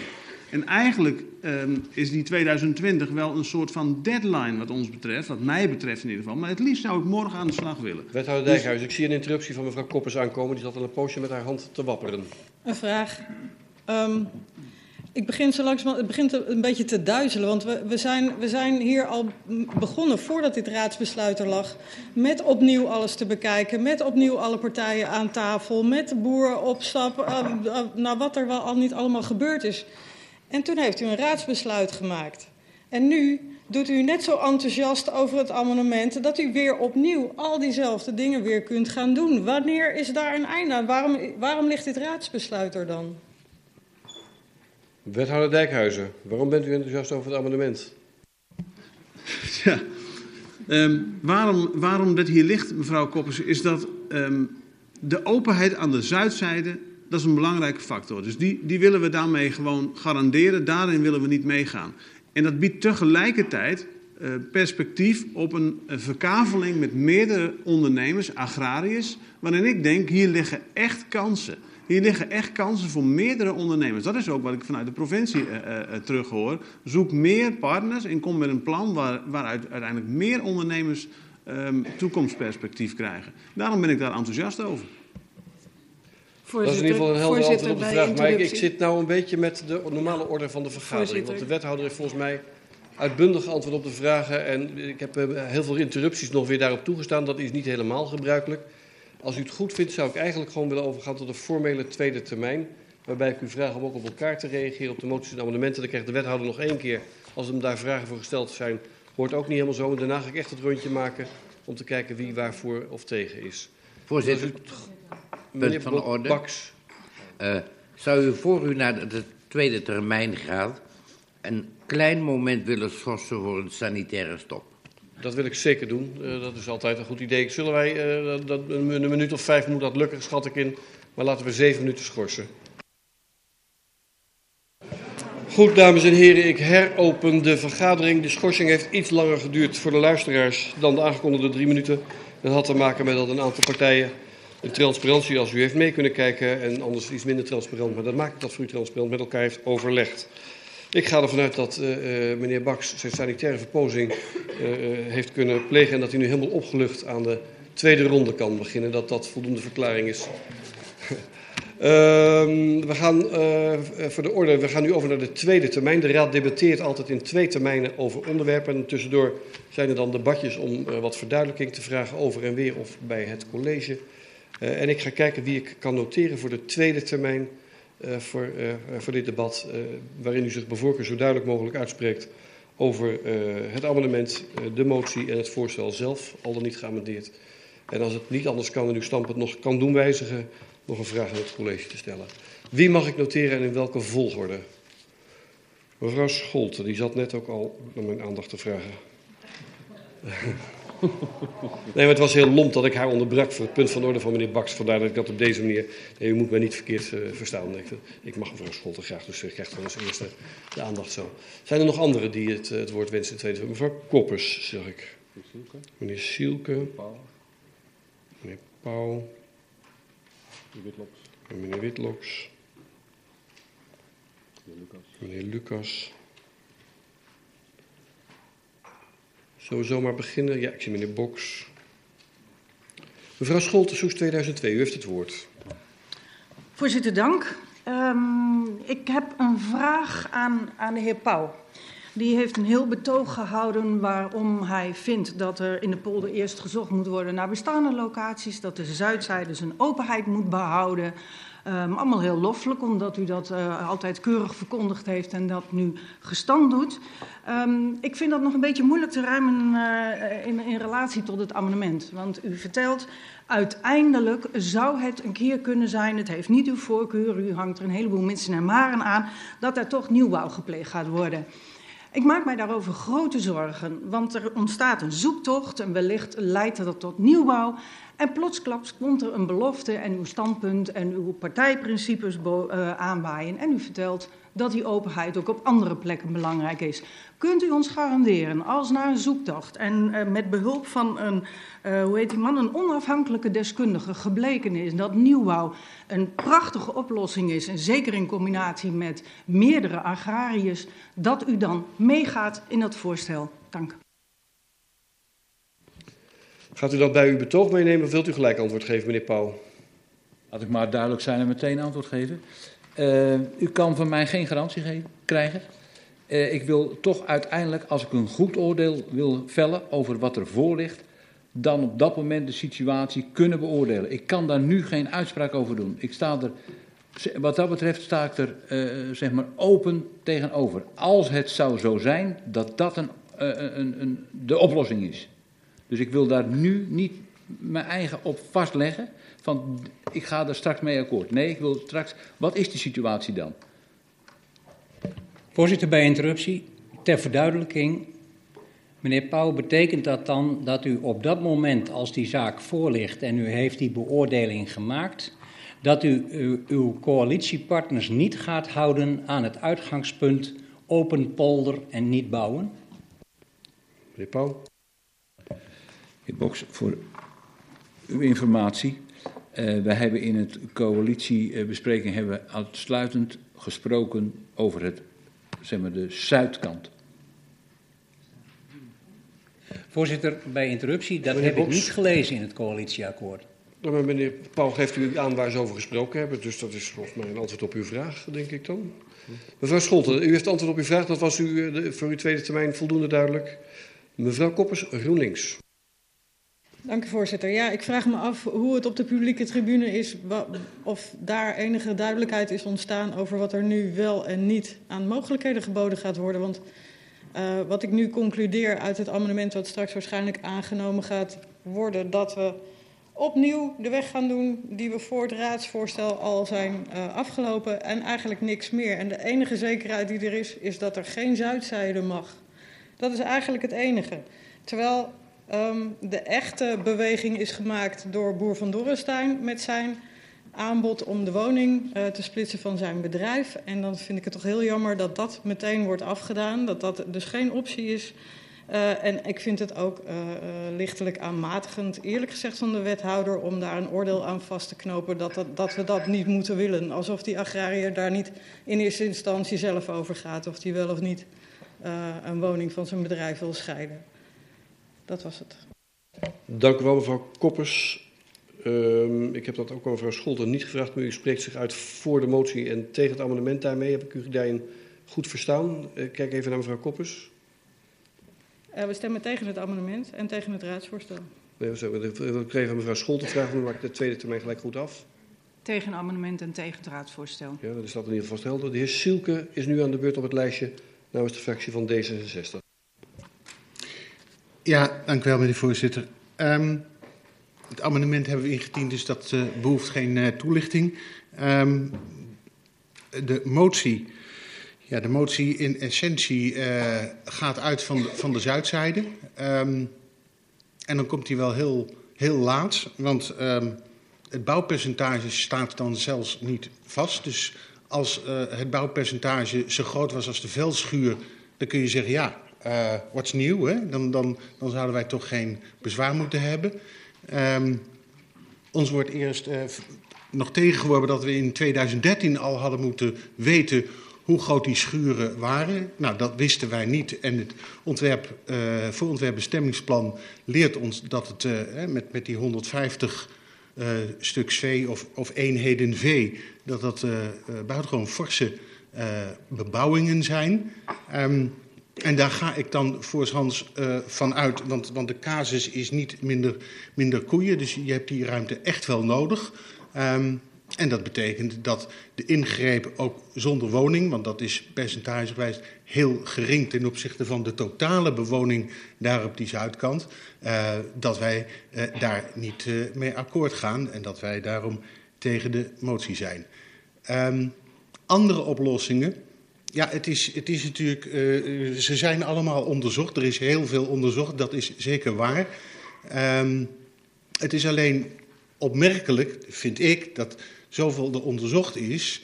Um, ja, aan die noordzijde uh, waren ze echt heel dicht bij een oplossing. En uh, vorige week kwam er een, een oplossing die ook nieuw was. Hè, en dat is dan een vrijwillige kaveruil biedt heel veel mogelijkheden en dat is niet eerder geopperd. Dus ik zou zeggen, ja, laten we die kansen nou pakken. En overigens, uh, net als uh, GGS, ja, ik kan op voorhand toch niet nu garanderen dat als er nieuwbouw wordt gepleegd, dat ik dan klakkeloos voor zal zijn. Nee, ik ga ervan uit, hè, we, we stellen ons daarvoor open, want dat moet een oplossing ook kunnen zijn. Maar uiteraard gaan we daar ook naar kijken. Dat lijkt mij toch niet meer dan uh, billig. Voorzitter, bij interruptie. In de motie staat medewerking te verlenen. We verzoeken het college medewerking te verlenen om de handreiking te onderzoeken. Dan zegt u, ik weet niet precies wat dat allemaal inhoudt. Maar in uw eigen motie of amendement wordt ook van alles onderzocht waarin u op dit moment ook niet weet hoe dat allemaal uit gaat pakken. Wat is het verschil in de duidelijkheid tussen het ene, tussen wat in de motie staat en tussen het amendement? Want hier staat heel duidelijk medewerking te verlenen om de handreiking van de agrariër zelf. Dus die heeft al aangegeven, ik wil er in ieder geval aan meewerken en ik reik mijn hand uit naar het college. Waarom ziet u dat niet zitten? Ik, ik, ik had geprobeerd uit te leggen dat als, als ik kijk naar die zuidzijde, want daar is het allemaal om begonnen, daar moet die openheid behouden worden, die wordt aangetast die wordt uh, aangetast door de bebouwing. En uh, dat er een woning afgaat, doet daar niet aan af. Bent u klaar, meneer Silke? Want dan gaan wij gewoon over het volgende het rijtje verder, als u het goed vindt. Ja? Dan ga ik over naar meneer Pauw namens GGS. Voorzitter, dank u wel. Voorzitter, met uh, enige moeite. Uh, maar wij zien toch uh, in het amendement ook kansen uh, dat er een oplossing komt en dat er misschien uh, zeker uh, meerdere boeren een betere toekomst kunnen krijgen als het verder wordt uitgewerkt en doorge, doorgeakkerd. Dit zijn kansen, denk ik. Wij zullen dan ook instemmen met het amendement. En over de, de motie, daar hebben we geen behoefte aan. Dank u wel, meneer Pauw. U sprak namens GGS. Geeft woord aan de heer Witloks namens de Partij van de Arbeid. Dank u, voorzitter. Het is wel duidelijk, GGS geeft geen duidelijkheid over die wel of niet nieuwbouw en zelfs geen garantie. Um, en ook de opmerking van de wethouder dat hij ja, geen scheiding van uh, woning en bedrijf uh, wil, terwijl de indiener dat zelf eigenlijk wel wil, dat vinden we jammer. Jammer ook dat in het amendement staat dat die, uh, die, die termijn van september 2020, dat dat nog een anderhalf jaar onzekerheid betekent voor, voor boer Dorrestein. Ook dat vinden we zeer betreurenswaardig. Um, dit abonnement, als dat voorligt, en wij zijn daar uh, tegen, dat zal ik meteen maar zeggen. En we zijn ook tegen het uh, raadsvoorstel. Dat schept nog lange tijd meer onduidelijkheid. En daar zijn wij, gelet op de betrouwbaarheid die als overheid uit zou moeten stralen, dan komt er weer anderhalf jaar bij. daar zijn we tegen en natuurlijk zijn wij voor de motie. Dank u.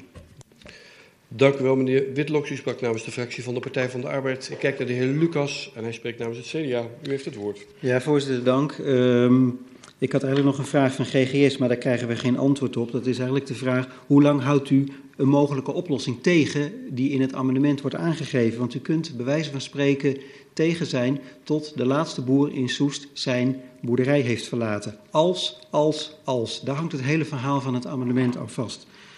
En eerlijk gezegd maakt u ook niet zo de indruk dat u naar een oplossing wil. Dat is in ieder geval mijn indruk, maar misschien heb ik het verkeerd.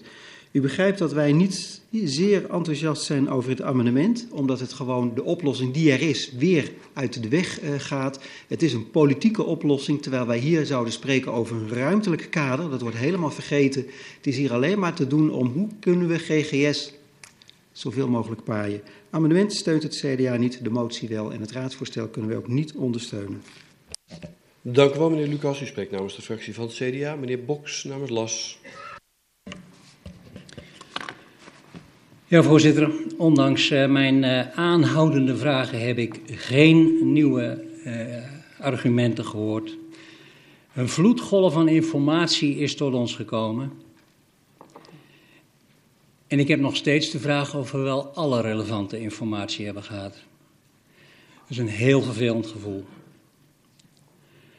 Nou, in ieder geval hebben we bereikt dat GGS de, beperkte, uh, de openheid van het buitengebied beperkt tot de zuidzijde van de Peter van der Bremenweg. Dat is in ieder geval winst. Die hebben we genoteerd. Voorzitter, als de besluitvorming gaat plaatsvinden zoals die nu voorligt, dan mogen we vrezen voor een zeer forse boete. En die zal ergens in 2021, 2022 opgelegd worden. Nou, dan gaan we weer richting nieuwe verkiezingen. We kijken of die boer um, dan nog steeds onderwerp meneer voorzitter. is. Ja, Silke. Um, er ligt een uh, nieuw advies hè, uh, van de advocaat. En u geeft daar een interpretatie aan. Um, de, de, interpretatie die uh, er staat, is dat de gemeente geen claim hoeft te vrezen. Dus u hebt het nu voor de tweede keer gezegd. Maar ik vraag u, waar baseert u zich dat op, anders dan die ene zin? Op dat, Want dat zelf... staat er echt niet. Voorzitter, via u, ik baseer mij op datzelfde advies, want dat kun je tweelerlei uitleggen. Er staat nergens een garantie in dat het niet zal gebeuren. Er staat uh, zelfs in dat uh, als het wel gebeurt, wordt er een trucje voorgesteld wat we kunnen uithalen om uh, wellicht daar dan vervolgens nog weer onderuit te komen. zo kunnen we nog een tijdje doorgaan. Voorzitter, de kansen die in het amendement genoemd worden, die lijken wat ons betreft op een fopspeen tussen 7 en 9 in Noord, die was al eerder afgevoerd. Daar zijn geen mogelijkheden voor. Het plan van Van Dijk, wij doen net alsof dat helemaal nieuw is, ja, was voor mij ook helemaal nieuw. Maar er is al uitvoerig overleg over geweest. En in september heeft het college richting Van Dijk aangegeven dat dit niet kansrijk is en dat er verder niet naar gekeken zal worden. Dus ja, wij worden blij gemaakt met een dode mus. Voorzitter. Meneer De Wilde. Ja, ook dat laatste, meneer Boks. Ik heb de wethouder net iets heel anders horen zeggen. Dus ik weet niet waar u dat vandaan haalt. Meneer Boks. Ik heb de mail gezien. Ik heb de wethouder net horen zeggen in deze vergadering dat hij heel Nou. erg graag kijkt naar dat plan van de heer Van Dijk. Dus ik zou niet weten waarom hij daar Dan moesten, we dat maar eens, dan moesten we dat maar eens gaan uitzoeken met elkaar. Wij laten ons niet blij maken met een dode mus, dus wij kunnen eh, niet voor het amendement eh, stemmen. Wij gaan eh, ons wel beraden op is goed onderzoeken, laten onderzoeken wat er nou allemaal in dit dossier gebeurd is. Want ik schaam me dood naar onze inwoners toe. Alles wat hier gezegd, maar ook gezwegen is. Bizar. Wij zijn tegen het raadsvoorstel, we zijn tegen het amendement. En we zijn voor, de motie. de motie. Dank u wel, meneer Boks namens LAS. Ik kijk naar mevrouw Gastelaars namens deze en u heeft het woord. Ja, voorzitter, dank u wel. Eh, ja, de verwarring en verbazing alom, ook bij mij. Ehm, in het coalitieakkoord is duidelijk afgesproken, dat staat ook in het raadsvoorstel, dat er geen medewerking wordt verleend aan bouwen in de polder. Ehm, dat wordt nu beperkt tot niet bouwen aan de zuidzijde, lijkt het. Want de rest is vogelvrij. Eh, ten noorden van de Peter van de Bremenweg. Zelfs de Eempolder, want de Eempolder maakt deel uit van de driehoeksuil. Dus als iemand mij kan uitleggen hoe dit amendement zich verhoudt tot het coalitieakkoord, dan zou ik heel blij worden. Voorlopig eh, houden wij het erop dat, het, eh, dat er dus eh, een, een, een, een draai gevonden wordt om een oplossing te vinden voor een situatie waar al jarenlang eh, gezocht wordt naar een oplossing en die dus kennelijk niet te vinden is. Maar we gaan tot 2020 gaan we doorzoeken. Eh, waarbij naar onze mening de agrariër absoluut niet eh, geholpen is. Eh, maar misschien deze coalitie wel, want dan heb je nog wat weer ruimte om adem te halen. Voor ons is het eh, eh, de onduidelijkheid en de mogelijkheid van bouwen in de polder is reden om tegen het amendement te zijn. Ehm, we zijn ook tegen het raadsvoorstel. Eh, en de motie daarvan, zolang er onvoldoende duidelijk is hoe groot het bebouwingspercentage is aan de zuidzijde, wat daar eh, gevraagd wordt om, aan het college om dat te onderzoeken, kunnen we eigenlijk niet zeggen dat we daar tegen zijn, omdat we niet weten waar we dan tegen zijn. Dus in die zin willen we de motie steunen. Dank u wel, mevrouw Gastelaars. U spreekt namens DSN. Ik geef het woord aan de heer De Wilde en hij spreekt namens de VVD. Ja, het mag duidelijk zijn dat wij de, het abonnement zullen steunen. Ehm, en de motie zullen wij niet steunen. En de simpele reden daarvoor is dat wij niet zien waarin de motie verschilt qua zuidzijde dan. Ehm, en de bebouwing die daar dan plaats zal vinden ten opzichte van wat er nu aan het, uh, uh, aan het collegevoorstel ligt. Dus als wij consequent zijn voor wat betreft de bebouwing aan de zuidzijde, dan moeten we de motie ook niet steunen. Dat doen we dan ook niet. Dank u wel. Voorzitter, mag ik een vraag stellen aan de heer De Wilde? Nou, vooruit. Nou, u zegt als wij consequent zijn, dan eh, gaat u niet meewerken aan bebouwing aan de zuidzijde. Maar als u consequent zou zijn en het coalitieakkoord zou naleven, dan zou u helemaal niet meewerken aan bouwen in de polder. Of begrijp ik het nou verkeerd? Meneer De Wilde. Nee, u begrijpt het heel goed. We hebben inderdaad gezegd, we willen niet aan de zuidzijde bouwen. Dat klopt. Daarom zijn we ook tegen het, uh, de motie. En daarom zijn we ook met een tegenvoorstel gekomen aan het amendement. Jullie mag ervan uitgaan dat als we dat amendement indienen, dat we ook serieus zijn uit de, de opties die eruit zullen komen. Dus we zullen zien welke oplossingen daar komen. En dan zullen we op dat moment alsnog een ruimtelijk besluit moeten nemen. Dat is het proces wat er altijd volgt en dat zullen we nu ook volgen. Voorzitter. Ja, maar dan gaan we een nieuw debat beginnen. Nee, ik denk, ik denk toch dat ik niet duidelijk ben geweest naar meneer De Wilde, omdat hij een ander antwoord geeft dan ik eigenlijk vraag aan hem. Nou is die vrijheid er natuurlijk, maar nog een keer ga ik het proberen. Ja, maar wel binnen beperkingen, want... Nee, u, u, u, ik geef geen Ja, antwoord nee, wat u... nee, u geeft geen antwoord wat ik wil horen. Wat u wil nee, horen. Dat, is- dat ik daar heeft u helemaal vraag gelijk u, in. in het coalitieakkoord staat, en dat staat ook in het raadsvoorstel, de nieuwe coalitie spreekt in het coalitieakkoord duidelijk af dat er geen medewerking wordt verleend aan bouwen in de polder. Er staat niet bij van we, werken, we, we, verlenen geen medewerking aan bouwen aan de zuidzijde van de Peter van der Bremenweg. Er staat geen medewerking aan bouwen in de polder. Nu zegt u, we gaan niet bouwen aan de zuidzijde, maar de rest van de polder is vogelvrij. Of er nou een, woon, een, een bouwbestemming op zit of niet. Nou, dat begrijp ik niet en dat wil ik graag uitgelegd hebben. Laten we hopen dat de polder niet vogelvrij wordt. Meneer De Wilde. Ja, ik, ik, ga toch hetzelfde antwoord geven. En dat wilt u waarschijnlijk niet van mij horen, maar ik ga het toch doen. Op dit moment ligt er een voorstel om de zuidzijde te bebouwen. Daar zijn we op tegen, om die reden. We willen wel de boer helpen aan een nieuwe locatie, dat hebben we ook gezegd. Want hij moet zijn bedrijf kunnen voortzetten. Daarom is het abonnement ingediend. Dat abonnement onderzoekt een aantal nieuwe mogelijkheden. En die zijn daar wat ons betreft zeker te vinden. En dan zullen we op dat moment in het ruimtelijk proces nog steeds een besluit nemen. En tot die tijd uh, zullen wij nog heel veel communiceren met elkaar. En nou is het debat wat mij betreft daarmee wel zo ongeveer klaar. Maar mevrouw Pijnenborg heeft een brandende interruptie. Ja, ik, ik denk dat we vast moeten stellen dat het amendement eh, gewoon in strijd is met het raadvoorstel. Maar er straks wel onlosmakelijk deel van uit gaat maken. Uh, het kan nooit in strijd zijn met het raadsvoorstel, want het wijzigt het raadsvoorstel. Dus dat is technisch uitgesloten. Het amendement is een wijziging van het raadsvoorstel.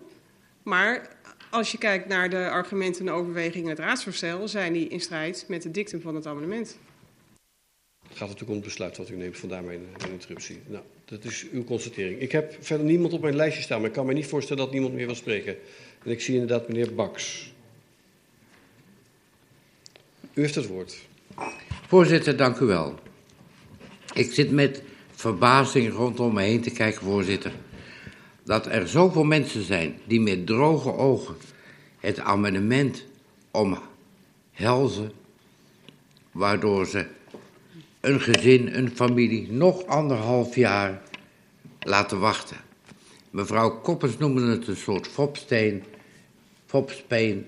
Ik noem het dan een worst voorhouden ik begrijp, ik begrijp het niet, maar ik hoef de reden van de partijen die me omhelzen uh, ook niet te weten. Als u maar van mij weet dat ik het amendement en het raadsvoorstel niet steun. Dat ik daarmee denk boer van Dorrestein en zijn gezin schade mee aan te brengen. Dank u wel, meneer Baks. U sprak namens Burgerbelang. Ik geef het woord aan uw buurman, de heer Sturmbroek, namens POS. Dank u wel, voorzitter. Uh, ik begrijp er niet veel van. En dat kan er aan liggen dat wij pas uh, nou, amper een jaar in deze raad zitten. Maar als ik het niet begrijp, zullen heel veel mensen het ook niet begrijpen. En dat is waarom gaan we ervoor kiezen om dit nog langer te laten aanslepen?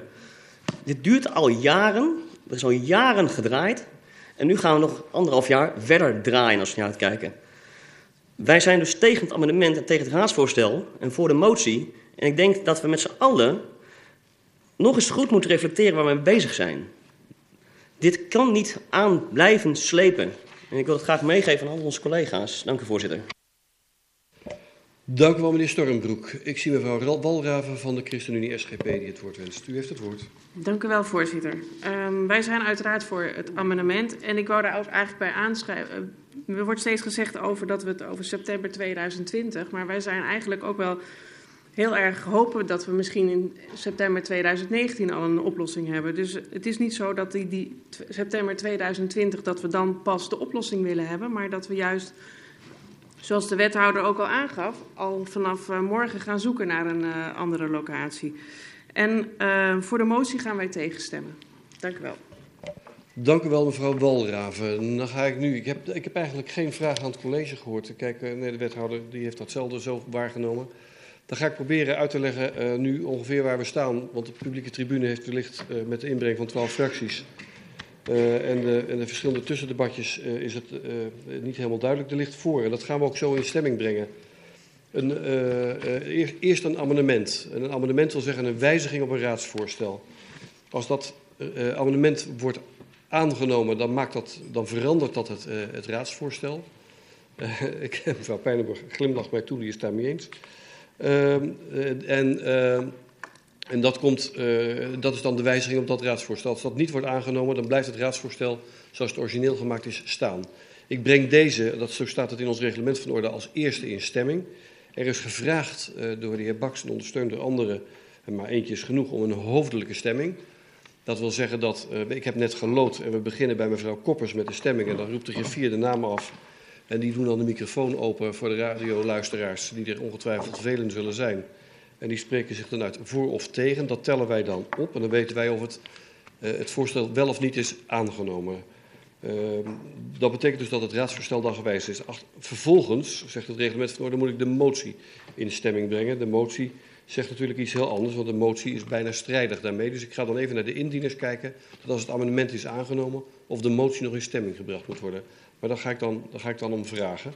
Dat kunnen ze zelf beslissen. Misschien moeten ze daar nog even over schorsen om, uh, uh, om daarover te praten. Nacht, uh, dat, dat kan overigens. En dan gaan we daarna gaan we het, het voorstel al dan niet gewijzigd ga ik in stemming brengen. Dan ga ik nog eventjes vragen of dat opnieuw hoofdelijk moet gebeuren. En dan gaan we dezelfde procedure nog een keertje doen. Um, ik kijk even naar de raadsleden of deze helder is. Ik zal de tribune, ik hoop dat ik helder genoeg was ook voor de tribune. Maar als de raadsleden het begrijpen, zal de tribune het wellicht ook begrijpen. Um, zijn er nog mensen die zich apart willen uitspreken? Verder nog? Of kan ik gewoon aan de procedure van de stemming beginnen? Ja, de raad is het ermee eens dat ik procedure. Dan, dan is onderwerp van stemming het amendement wat is ingediend door de D66, VVD en ChristenUnie SGP. Uh, wat gaat over dit, uh, over dit agendapunt. En ik geef de griffier het woord om de namen af te roepen. En dan kunt u met de microfoon open graag voor of tegen zeggen. En zoals gezegd, we beginnen bij mevrouw Koppers. Tegen. De heer Baks. Tegen. De heer Stormbroek. Tegen. Mevrouw Scholten. Tegen. Mevrouw Pijnenborg. Tegen. Mevrouw van der Vijg de Hond. Voor. De heer De Wilde. Voor. De heer Gundus. Tegen. Mevrouw Flinteman. Voor. De heer Sielke. Voor. Mevrouw Bounouvier. Voor. Mevrouw Treffers. De heer Witloks. Tegen. De heer Boks. Tegen. De heer De Wolf. Mevrouw Walraven van Dam. Voor. Mevrouw Rozen van Dam. Voor. De heer Diemers. Voor. Mevrouw Wijtsplomp. De heer Van Zutphen. Voor. De heer Adriani. Voor. De heer Paul. Voor. De heer Corbij. De heer Graag de microfoon gebruiken. De heer Kramer. Tegen. Mevrouw Gastelaars. Tegen. De heer Lucas. Tegen. De heer Van der Torre. Voor. De heer Pauw. Voor. De heer De Ruiter. Tegen. We gaan even tellen. Het amendement is met 16 stemmen voor en 13 stemmen tegen aangenomen. Dat betekent dat er een gewijzigd raadsvoorstel is. En dan kijk ik even naar de indieners van de motie, mevrouw Scholten. Voorzitter, ik verzoek u om een schorsing. We schorsen een kort moment. Goed, dames en heren. De korte schorsing van een half uur in het kosmisch geheel is nog steeds kort.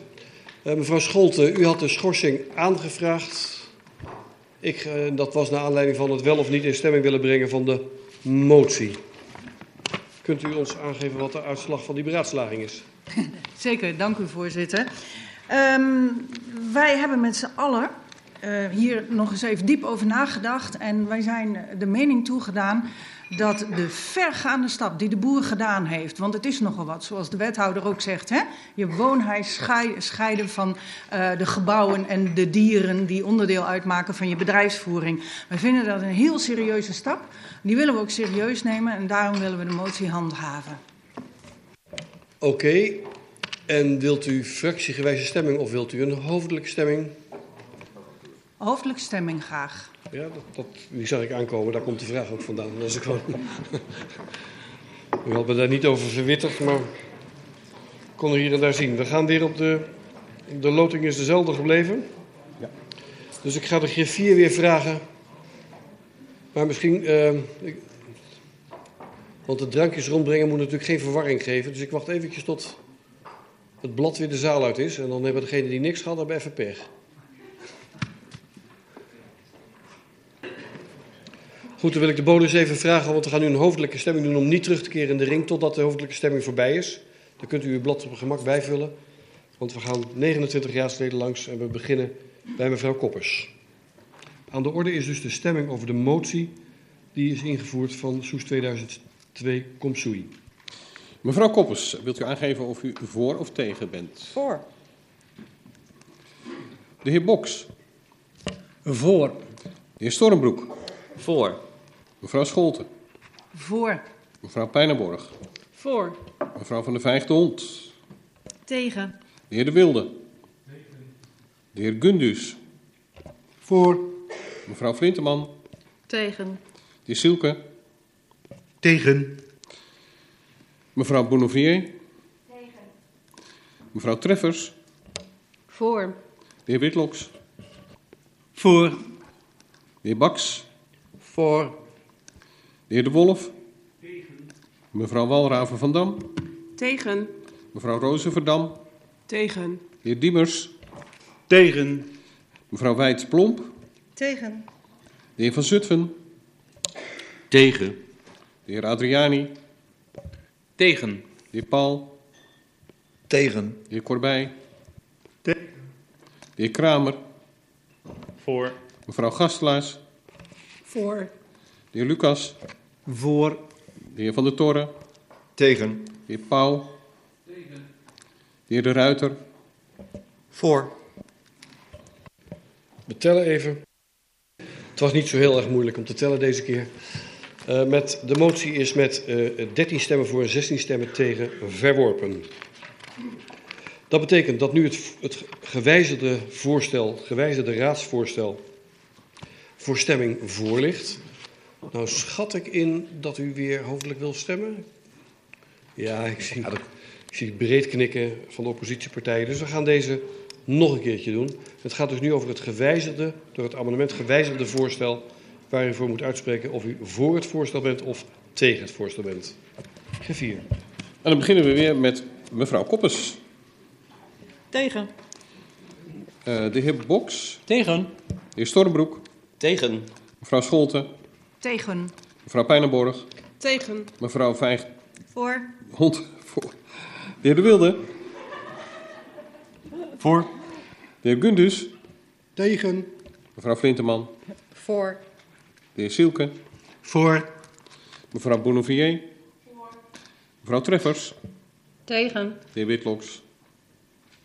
Tegen. De heer Baks. Tegen. De heer De Wolf. Voor. Mevrouw Walraven van Dam. Voor. Mevrouw Rozeverdam. Voor. De heer Diemers. Voor. Mevrouw Wijts Plomp. Voor. De heer Van Zutphen.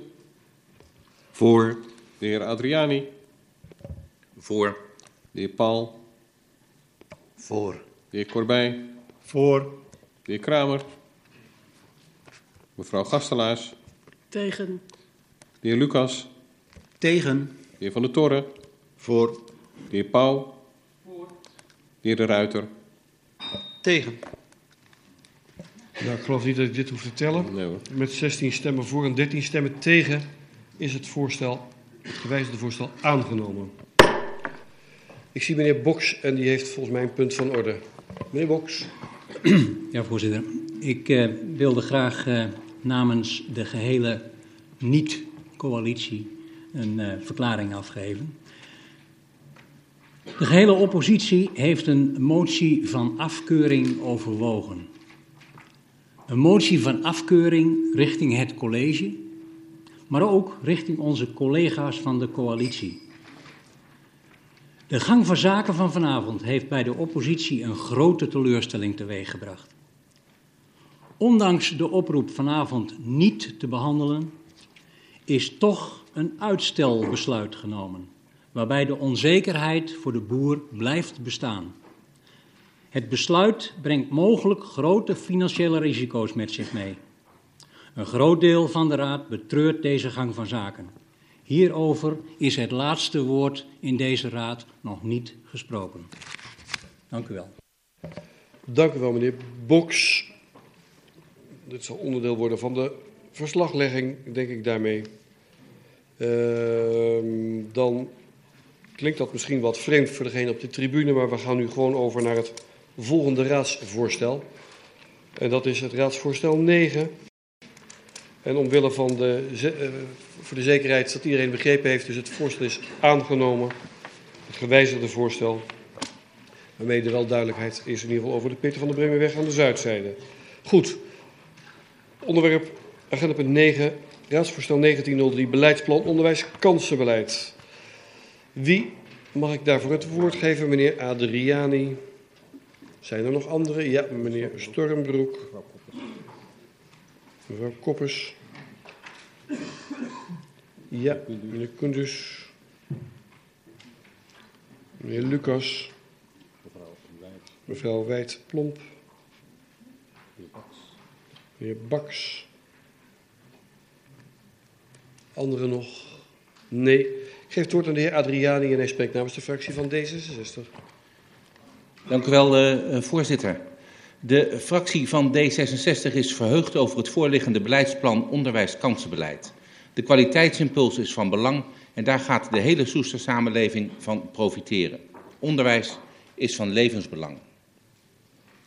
Het college suggereert dat de 2 ton gemeentelijke middelen wellicht niet besteed zullen worden.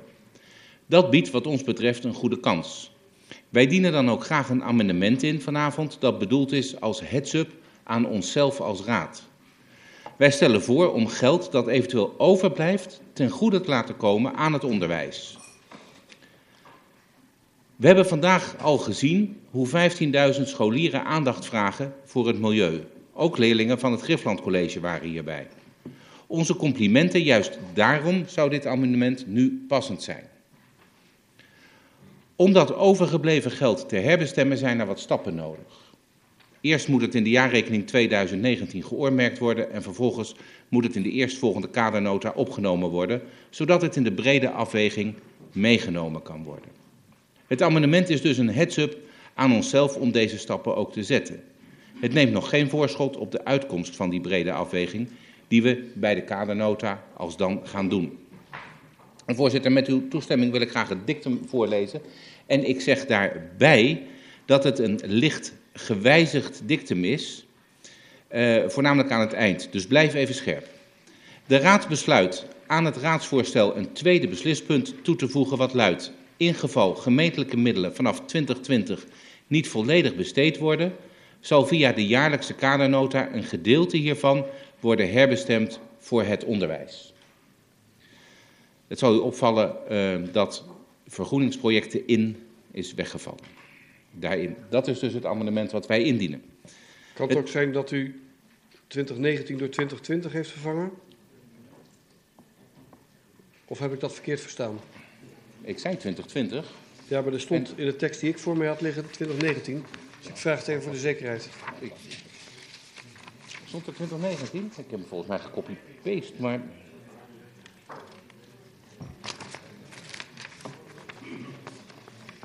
Ik bedoel daar 2019 ongetwijfeld. Uh, voorzitter, ik uh, ga even verder. Zoals het uh, voorgelegd is, alleen, was alleen voornemens de um, voor- en vergroeningsprojecten weg te laten. Het amendement, voorzitter, wordt mede ingediend en dat heeft de druk helaas niet ge gehaald door lokaal Anders Soest en door GroenLinks. daar zijn we heel blij mee met deze steun. Jammer dat dat niet op papier staat, daarom zeg ik het nu nog even met nadruk. Uh, voorzitter, uh, met het amendement. Uh, nee, dat is er nog niet, dus dat ga ik in de tweede termijn doen. Dat was mijn bijdrage. Dank u wel. Nou, die heeft zich in ieder geval goed voorbereid. Dank u wel, heer Adriani. Ik geef het woord aan de heer Sturmbroek namens POS. dank u wel, voorzitter. wij lezen in het beleidsplan allerlei goede voornemens en dat juichen wij toe. Een greep uit de goede punten zijn voor ons één plan, één gezin, Samenwerken met de Voorleesexpress, een organisatie die zich jaar in, jaar uit bewijst ten behoeve van het wegwerken van taalachterstanden voor zowel ouders en kinderen. Peuteropvang vanaf twee jaar. Het vergroten van de betrokkenheid van ouders, overigens een uitdaging op zich. En de versterking van de doorgaande lijn peuteropvang basisschool. Over de uitvoering heeft POS wel wat zorgen. Denk aan het zorgdragen voor het verbinden van organisaties, het werk maken van het monitoren van geïndiceerde peuters en met name het vergroten van de oude betrokkenheid. Dat vraagt om een goede organisatie. Wij vragen ons af wie de uitvoering in de gaten gaat houden en wie de verbindende rol gaat spelen. Dat is voor ons onvoldoende duidelijk. Wij hopen dat u hierover wilt nadenken. Aangezien u als gemeente faciliteert, is het ook van belang dat u monitort en het niet enkel aan de diverse organisaties overlaat. In het beleidsplan is verder te lezen dat er geen cijfers bekend zijn van het aantal kinderen dat daadwerkelijk gebruik maakt van de kinderopvang. We lezen ook niet dat de gemeente voornemens is hier actie op te ondernemen. In het kader van een versterking van de doorgaande lijn peuterspeelzaal basisschool lijkt het ons van belang dat deze cijfers ook worden bijgehouden. In het beleidsplan wordt verder aangegeven dat er onderzocht gaat worden of er een zomerschool gestart kan worden. Hoe en op welke wijze wordt niet bekendgemaakt. Graag ziet Post dat dit ook in een actieplan wordt gegoten. Verder kunnen wij zeggen dat wij het amendement van D66 van harte zullen ondersteunen. Wij hopen dat u iets kunt en wilt doen met onze suggesties en dat u ons als raad meeneemt in de vorderingen en eventuele tegenslagen in de uitvoering van het plan. Zoals eh, ik juist zojuist heb geschetst, uh, denkt POS graag mee. Dat gezegd hebbende willen wij dus instemmen met het voorstel. Dank u wel, voorzitter. Dank u wel, meneer Sturmbroek. U spreekt namens de fractie van POS. Mevrouw Koppers namens GroenLinks. Dank u, voorzitter. Ja, ik had me aangemeld om iets te zeggen voor het geval de heer Adriani onze wijziging niet uh, goed had verwoord. Maar dat heeft hij prima gedaan. Dus het, mijn beurt gaat over. Dat was eigenlijk al geweest, maar dan via de mond van de heer Adriani. ja, dank u wel. Uh, meneer Koendoes namens de fractie van de Partij van de Arbeid. Dank u wel, voorzitter. Wat ons betreft kunnen alle kinderen vanaf 2 tot 18 jaar gratis met elkaar naar school en investeren we zo vroeg mogelijk in het wegwerken van onderwijsachterstanden.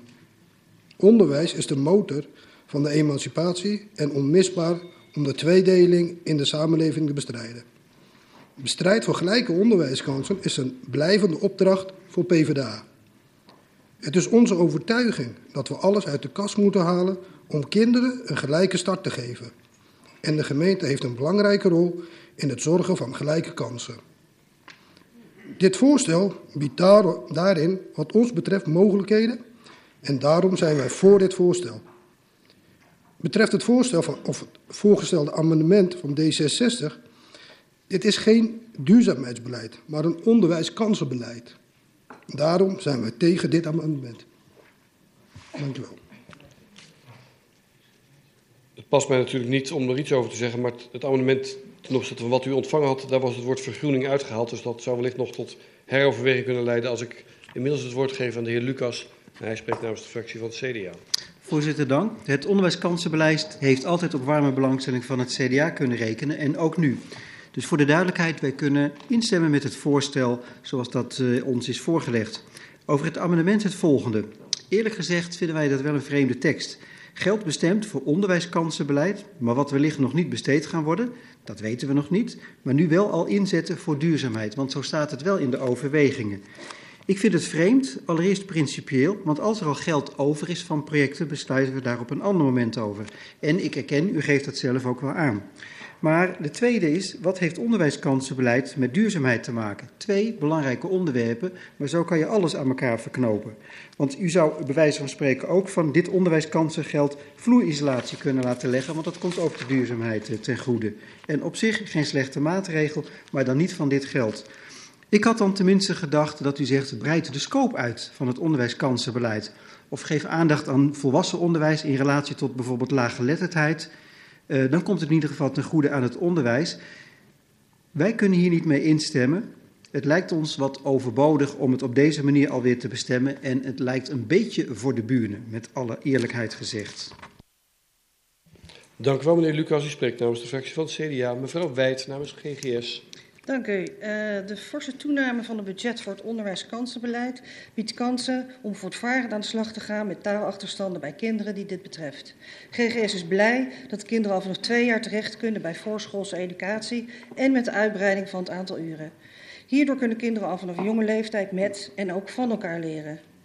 Taal is zoveel meer dan alleen de juiste grammatica kennen. Een taal goed beheersen betekent ook dat je elkaar kunt begrijpen, dat je grappen kunt maken, maar ook dat je meningsverschillen verbaal kunt uitvechten in plaats van fysiek. Kortom, dat je elkaars taal leert spreken in de meest brede zin van het woord. Wij hopen dat het verbeteren van de educatie van de Nederlandse taal en de bijkomende sociale interactie tussen de kinderen en het betrekken van hun ouders hierbij ertoe bijdragen dat de kinderen en het gezin waarin ze opgroeien ook op de lange termijn profijt hebben van deze impuls. GGS stemt dus van harte in met dit beleid. Dank u. Dank u wel, mevrouw Wijt. U sprak namens de fractie van GGS. Ik geef het woord aan meneer Baks en hij spreekt namens Burgerbelang. Dank u wel, voorzitter. Inhoudelijk, wat het onderwijskansenbeleid betreft, zou het voor mij niet beter verwoord kunnen worden dan mevrouw Wijd net ver verwoordde. Dus uh, doe ik dat niet over. Ik reageer nog even op het amendement. Ik begreep van meneer Adriani dat in het dictum, achter het streepje, die vergroeningsprojecten komen te vervallen. Vraag, wat moet ik dan met de volgende drie zinnen als het voorstel beoogt een potje te creëren waarmee het onderwijs creatieve manieren vindt om het onderwijs te vergroenen. Volgens mij moet dat dan ook uit het amendement. Als dat zo is, krijgt het amendement mijn steun. Als het niet zo is, dan zit er een contradictie in. En dat hoor ik graag. Daar gaat meneer Adriaan u straks vast over bijpraten. Dank u wel, meneer Baks, namens Burgerbelangen. Mevrouw Rozen namens de ChristenUnie SGP. Uh, dank u wel, voorzitter. Op voorliggende, beleid, daar kunnen wij als ChristenUnie SGP volmondig amen op zeggen. We zijn uiteraard erg blij met de toename van het budget. Op deze manier kan een belangrijke bijdrage geleverd worden aan onder andere de taalontwikkeling van jonge kinderen op een leeftijd waar deze ontwikkeling grote sprongen maakt en een fundament legt voor later. Goed om te lezen dat er uh, extra projectbudget ook beschikbaar is. We zullen dit jaar met veel interesse de ontwikkelingen op dit gebied volgen. Het in het beleid genoemde idee van gezinsgerichte programma's voor, voor vluchtelingen, ook voor 0 tot 2 jaar, juichen wij toe en hopen deze uitgewerkt te zien. Wat betreft het amendement, deze steunen wij niet. Zoals vorige week uh, benoemd, wachten wij het resultaat 2019 af en bespreken de mogelijkheden graag bij de begroting van 2020. Dank u wel. Dank u wel, mevrouw Roos. U sprak namens de fractie van de ChristenUnie SGP. Zijn er nog andere fracties? Ja, mevrouw Gastelaars. Ja, voorzitter. Wij, uh, wij zijn een groot voorstander van het onderwijs.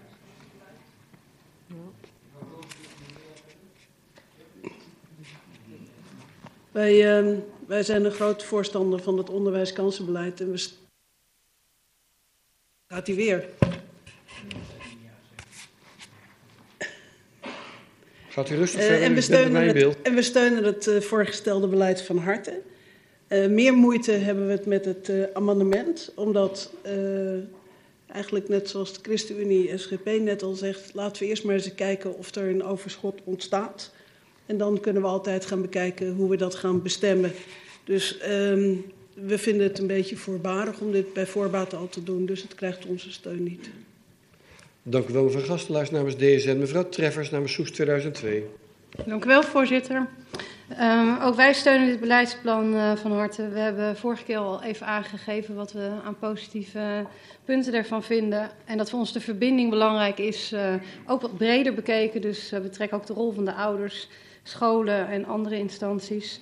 Um, als het gaat om het amendement, daarvan zien wij geen reden om te steunen. Want het, er, is een, er is reeds een programma Natuur- en Milieueducatie, wordt aangeboden door Stichting Balans. Uh, dat subsidiëren wij al uh, ruimschoots. En alle basisscholen in Soest en Soesterberg kunnen zich hiervoor aanmelden. Uh, en ze maken daar een mooi gebruik van. En dat achten wij voldoende. Dus voor zover. Dank u wel, mevrouw Treffers. U sprak namens Soest 2002. Anderen nog, uiteraard. Dan kijk ik even naar de heer Adriani of hij de verwarring van, bij de Partij van de Arbeid en Burgerbelangen kan en wil wegnemen. Voorzitter, misschien is het goed om een aantal punten inderdaad nog even toe te lichten. Dank u wel voor de gelegenheid daarvoor. Uh, Wat wij beogen met het uh, amendement is met name dat uh, mocht er onderbesteding zijn van de middelen, dat we die niet uit het oog verliezen en beschikbaar houden voor het onderwijs. Dus inderdaad, waar de heer Bak zegt van ja, dan komt die laatste uh, toelichtende alinea wat in de lucht hangen, daar heeft hij gelijk in. Het belangrijkste is, en daarom is het dictum ook in die zin aangepast, dat we het besluit zo aanpassen dat we het geld in beeld houden om in het onderwijs te, uh, te besteden. Dat is het belangrijkste wat wij, wat wij beogen. En dat dictum, dat wijziging van het besluit, dat wordt straks ook onderdeel van de eeuwigheid, zou het amendement aangenomen worden. Het is niet zo dat we nu al definitief dat geld bestemmen. Wat we alleen beogen is om het geld in beeld te houden. Dat is het belangrijkste wat wij, uh, wat wij willen. Dat is ook waarom we voorstellen om bij dan de eerstvolgende kadernota, en eerlijk gezegd denk ik dat dat niet de begroting 2020, maar de begroting van 2021 zal zijn als ik me de PNC-cyclus van de gemeente uh, goed voor heb.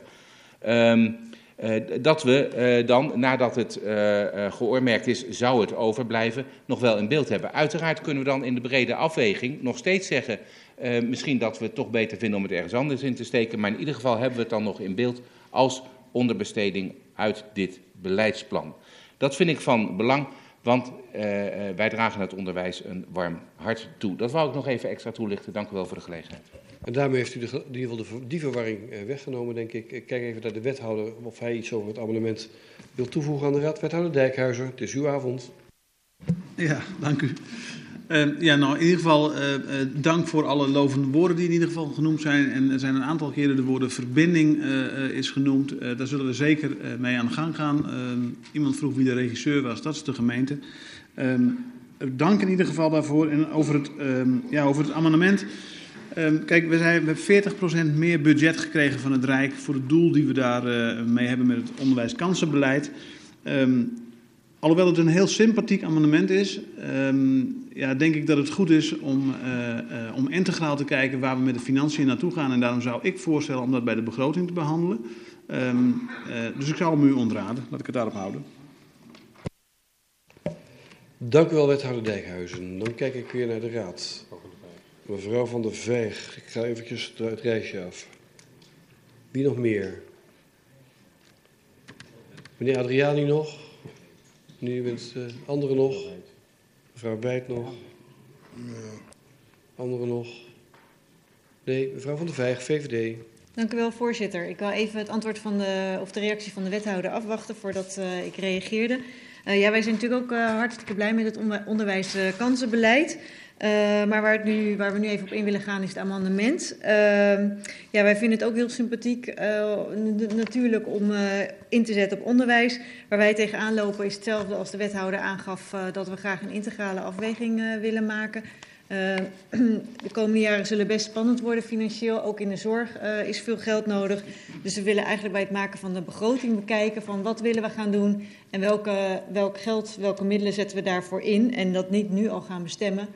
Um, dat is één. Het tweede is missen we toch een beetje waar dat geld dan precies voor bedoeld zou zijn. Het is gewoon goed gebruik om als er geld over is, dat terug te laten vloeien naar de algemene reserve. En dan uh, te gaan bekijken volgend jaar van wat gaan we nu doen en dat geld in te kunnen zetten. Uh, maar ik mis hier ook een beetje, uh, het doel duurzaamheid is genoemd. Maar verder ja, gaat het er eigenlijk alleen maar om, om het geld beschikbaar te houden voor onderwijs. En dat is heel sympathiek. Maar ja, misschien is het niet nodig. Dus um, ja, dan vinden we dat een beetje overbodig. Dus die uh, afweging zouden we graag bij de kadernota willen maken. Dank u wel, mevrouw Van der Veeg. Ik sprak namens de VVD. Mevrouw Wijk namens GGS. Dank u. Ja, ik wilde ook even de woorden van de wethouder uh, afwachten. En uh, ik sluit me aan bij de woorden van de VVD. Uh, wij kunnen dus ook het amendement niet steunen. Dank u. Dank u wel. Voorzitter, bij interruptie. Ja. Ik vroeg me af, uh, en dat is naar mevrouw Wijt en ook uh, uh, naar mevrouw Vijg, van der Vijg toe, um, dat um, het, het beslissen bij de kadernota is precies wat wij voorstellen. Hè? Dus wat u zegt te willen is wat wij voorstellen in dit amendement. En ik vroeg me af of dat wel voldoende over was gekomen. Ik kijk of beiden daarop willen antwoorden. Volgens mij heb ik het wel een nou, beetje gehoord, mij, mevrouw van der Vijg. Volgens mij zit het verschil daarin dat u het wil oormerken. En uh, oh, dat, volgens mij zei meneer Adriani dat net. Het moest geoormerkt worden of het zou geoormerkt worden. Om het geld in. Daar ga ik, ga ik toch, toch proberen ja, als u mij toestaat. Ja, um, uh, om het geld in beeld te houden, zul je eerst moeten constateren dat het overblijft. Dat doe je aan het eind van het jaar bij de jaarrekening. En dan zeg je. Dat, uh, dat nemen we dan mee in de kadernota voor onderwijs. En dan bij de kadernota kun je alsnog dat in de brede afweging meenemen. Maar dan hou je in ieder geval dat geld in beeld. En dat is het doel wat wij beogen. Ja, precies. En, uh, ik vertel dus dat je het oormerkt uh, voor het onderwijsbeleid. En mijn voorstel is om het terug te laten vloeien naar de algemene middelen. En dan gewoon integraal kijken waar bijvoorbeeld er geld voor nodig Het zou best kunnen zijn dat we bijvoorbeeld voor zorg veel meer geld nodig hebben. En dan zou de afweging toch kunnen zijn hoe, hoe sympathiek en, uh, uw voorstel is en hoe graag we in willen zetten op onderwijs, dat we toch een andere afweging moeten maken. Meneer Lucas, per interruptie. Nou, het antwoord werd eigenlijk al wel gegeven, maar de indiener doet alsof als we dat niet zouden doen, het voorstel in zouden, aan zouden nemen, alsof wij dan geen beeld zouden hebben van het geld wat naar onderwijskansenbeleid gaat en wat over zou blijven. Dat lijkt me toch wel heel erg sterk. U bent er met elkaar bij, denk ik. Uh, was u eigenlijk uw opmerking. Ehm, mevrouw Wijd, geen behoefte om verder naar de reactie. Uh, meneer Adriani, handhaaft u het amendement? U handhaaft het amendement. Nee. Voorzitter. Meneer Gundus. Uh, met het gewijzigde amendement kunnen wij wel uh, instemmen. Kunt u wel instemmen. Ik ga nu fractiegewijs even rond. Uh, hoofdelijke stemming is niet gevraagd. Ik, ik kijk linksom. Fractie van, de, van D66. Ik ben het amendement in stemming. Voor. Ja, dat had ik al zien aankomen. Partij van de Arbeid. Voor. DZN. Tegen. VVD. Soes 2002. Tegen. Burgerbelangen. Voor. Bos. Voor. Las. Voor. ChristenUnie SGP. Tegen. GroenLinks. Voor. CDA. Tegen. GGS. Tegen. We gaan tellen. Met 10 stemmen tegen en. Nee, dat kan niet, er is één iemand weg. Ja, dat is 18. En 18 stemmen voor. Uh, is, het, uh, is het amendement verworpen. Dan breng ik het voorstel zelf in stemming. Moet daarover gestemd worden of kan ik aannemen dat het verder unaniem is aangenomen? Dat kan ik aannemen. Is dat ook gebeurd hiermee? Ga ik over naar agenda punt 10. De verordening voorzieningen onderwijshuisvesting. Wenst iemand daarover het woord? Ja, mevrouw Treffers. Anderen nog? Nee, mevrouw Treffers, Soes 2002. U heeft het woord. Oh. Dank u wel, voorzitter. Um, het belang van een verordening is op zichzelf goed. En een hoop onderdelen daarin steunen wij ook. Echter, ik ga even terugkomen op mijn amendement. Gemeente Soest is toekomstgericht en gaat voor een kwalitatief hoog voorzieningenniveau. Dit komt de leerprestaties van onze kinderen zeer ten goede. Kinderen zijn de toekomst. We leggen de lat hoog en streven naar een integrale, gemeentebrede visie op ons voorzieningenniveau. Flexibel, strategisch, innovatief, duurzaam, vernieuwend en rekening houdend met verschillende sociale en maatschappelijke gebruikers en instanties. Op basis van de gewijzigde verordening kan de schoolbestuur de aanvraag voorziening en renovatie indienen. Renovatie krijgt hiermee een formele en juridische status. Een goede ontwikkeling, immers kan renovatie een volwaardig alternatief zijn voor vervangende nieuwbouw. Helaas zitten daar ook direct onze zorgen, want de keus voor renovatie betekent automatisch geen vervangende nieuwbouw voor minstens 25 jaar. Um, daar komt bij dat renovatie geen wettelijke status heeft in de wet primair onderwijs, wet op secundair onderwijs. Dus daar zit er nog steeds, uh, daar zit, daar zit nog steeds een, uh, een kloof. En daar zijn ze bij het Rijk mee bezig om dat te dichten. Dat gaat nog zeker twee jaar duren. Uh, en in de landen ben ik tot de conclusie gekomen dat veel gemeenten nu stoeien met hoe gaan we hiermee om. En wat vooral boven komt drijven is dat er uh, met name uh, een kloof ontstaat tussen de afweging renovatie en vervangende nieuwbouw. Daar waar voorheen vervangende nieuwbouw in principe als enige uh, voorziening bestond en renovatie daarin een onderdeel was als zijnde een volwaardig alternatief op vervangende nieuwbouw, maar wel als onderdeel van, um, werd het ook op die manier aan de Raad voorgelegd en werd een uh, afweging altijd door de Raad beoordeeld. Dat wil zeggen dat er een quickscan ligt waarin meerdere scenario's naast elkaar gelegd uh, worden. En wij met elkaar kunnen besluiten wat een goed, goede oplossing is. En daar gaat dit voorstel over. Want ik hoop dat u beseft dat op het moment dus dat er keus wordt gemaakt, dat in dit geval ook een keus wordt gemaakt om iets niet te doen. En dat wij daar als raad straks minder zeggenschap op hebben dan voorheen.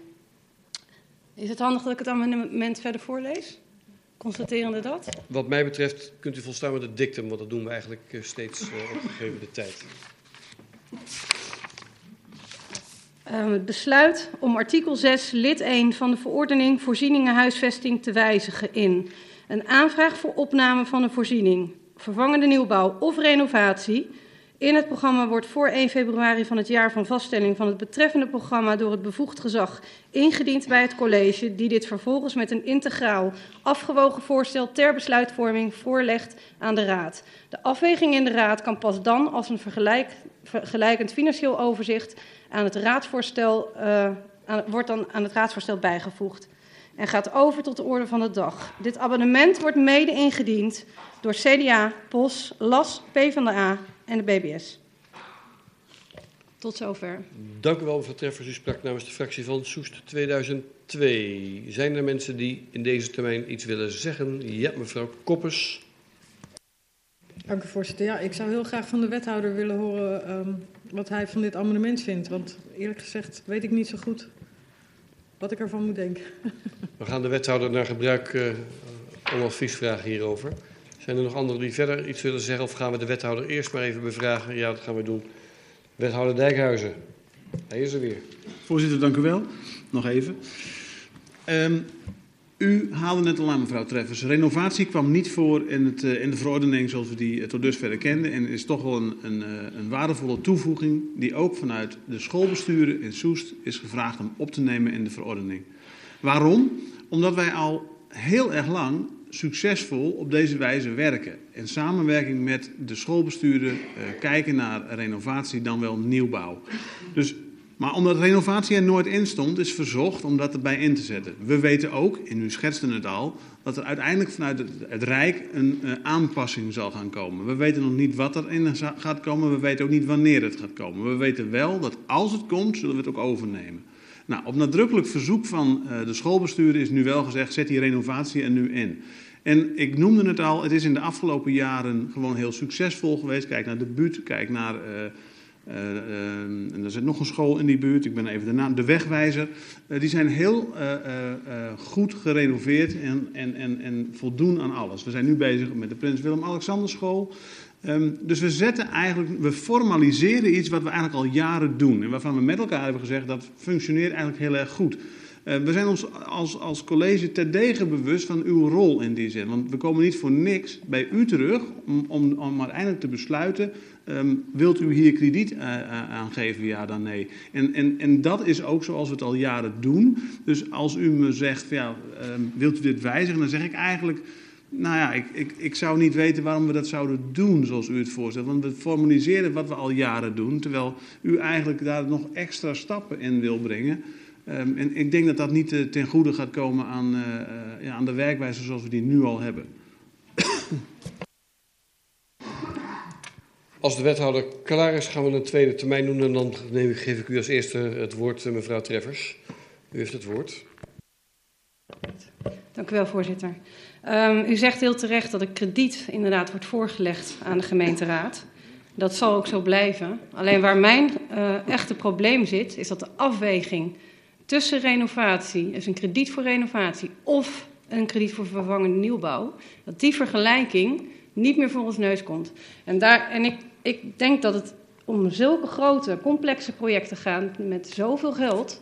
Stel dat het zou gaan om het Gifland, renovatie. Zou u allen hier in deze raad dan niet vinden dat wij daarover gaan? Dat we alle opties naast elkaar leggen. Dat het niet zo kan zijn dat een schoolbestuur samen met u besluit wat het moet zijn. Ja, los, ik, ik, ik, kan zeggen, u doet dat heel erg naar uw eigen kunnen. Maar ik vind het een raadsaangelegenheid omdat het om zoveel geld gaat. Daar gaat het om. En ik zie renovatie nog steeds als een alternatief voor vervangende nieuwbouw. Want het impliceert dat je daar na 25 jaar geen nieuwbouw pleegt. Dat is uw tweede termijn. Wie nog meer voor de tweede termijn? Mevrouw Wijd zie ik namens GGS. U heeft het woord. Um, dank u. Uh, ja, wij stemmen niet in uh, met dit voorstel, uh, wel met de verordening. Uh, ik wil wel benadrukken dat bij iedere afweging tot renovatie versus nieuwbouw de duurzaamheid van het gebouw leidend moet zijn. Uh, het streven moet zijn dat alle leerlingen in Soest en Soesterberg op redelijke termijn les krijgen in, in de zogenaamde frisse school. Dank u wel. Dank u wel, mevrouw Bijt. Anderen nog? Wethouder, heeft u nog behoefte aan een tweede termijn? Nou ja, misschien is het goed om te, om te zeggen, mevrouw uh, uh, Treffers uh, zal het niet zo bedoelen als ze zegt dat ik dat zou besluiten. Er ligt natuurlijk een heel team van, van experts, zou ik bijna zeggen, in dit huis die vanuit alle kanten aanvliegen wat de beste methode zou zijn. Dus om, om even die verwarring weg te halen, het is niet zo dat, dat, dat ik hier zou besluiten of we voor renovatie gaan. Dat, dat, daar, ben ik niet, daar ben ik wel verantwoordelijk voor. Maar uiteindelijk zijn het hier mensen in dit huis die vanuit allerlei kanten aanvliegen wat we daarmee moeten. En dan nogmaals, dan zie ik dit niet als een. Uh, ja, dan, dan, dan kan ik het niet aanraden om, op, op de, om het voorstel wat u heeft, om daarmee in te gaan. Dus. Nee, we hebben nou twee termijnen gehad. Nou, meneer Lucas, ja? geldt voor u hetzelfde natuurlijk. Twee termijnen. Ja, ik, ik, dat is de orde zoals we hem hebben afgesproken. Kunt u hem ophouden? Als het moet. Nou ja, ik wil, ik, wil de, ik wil het debat niet stuk slaan, maar u heeft natuurlijk, we proberen altijd in de orde van de vergadering te blijven. En dan had dit vorige week aan de orde moeten komen in het debat, denk ik dan maar. Vindt u dat goed?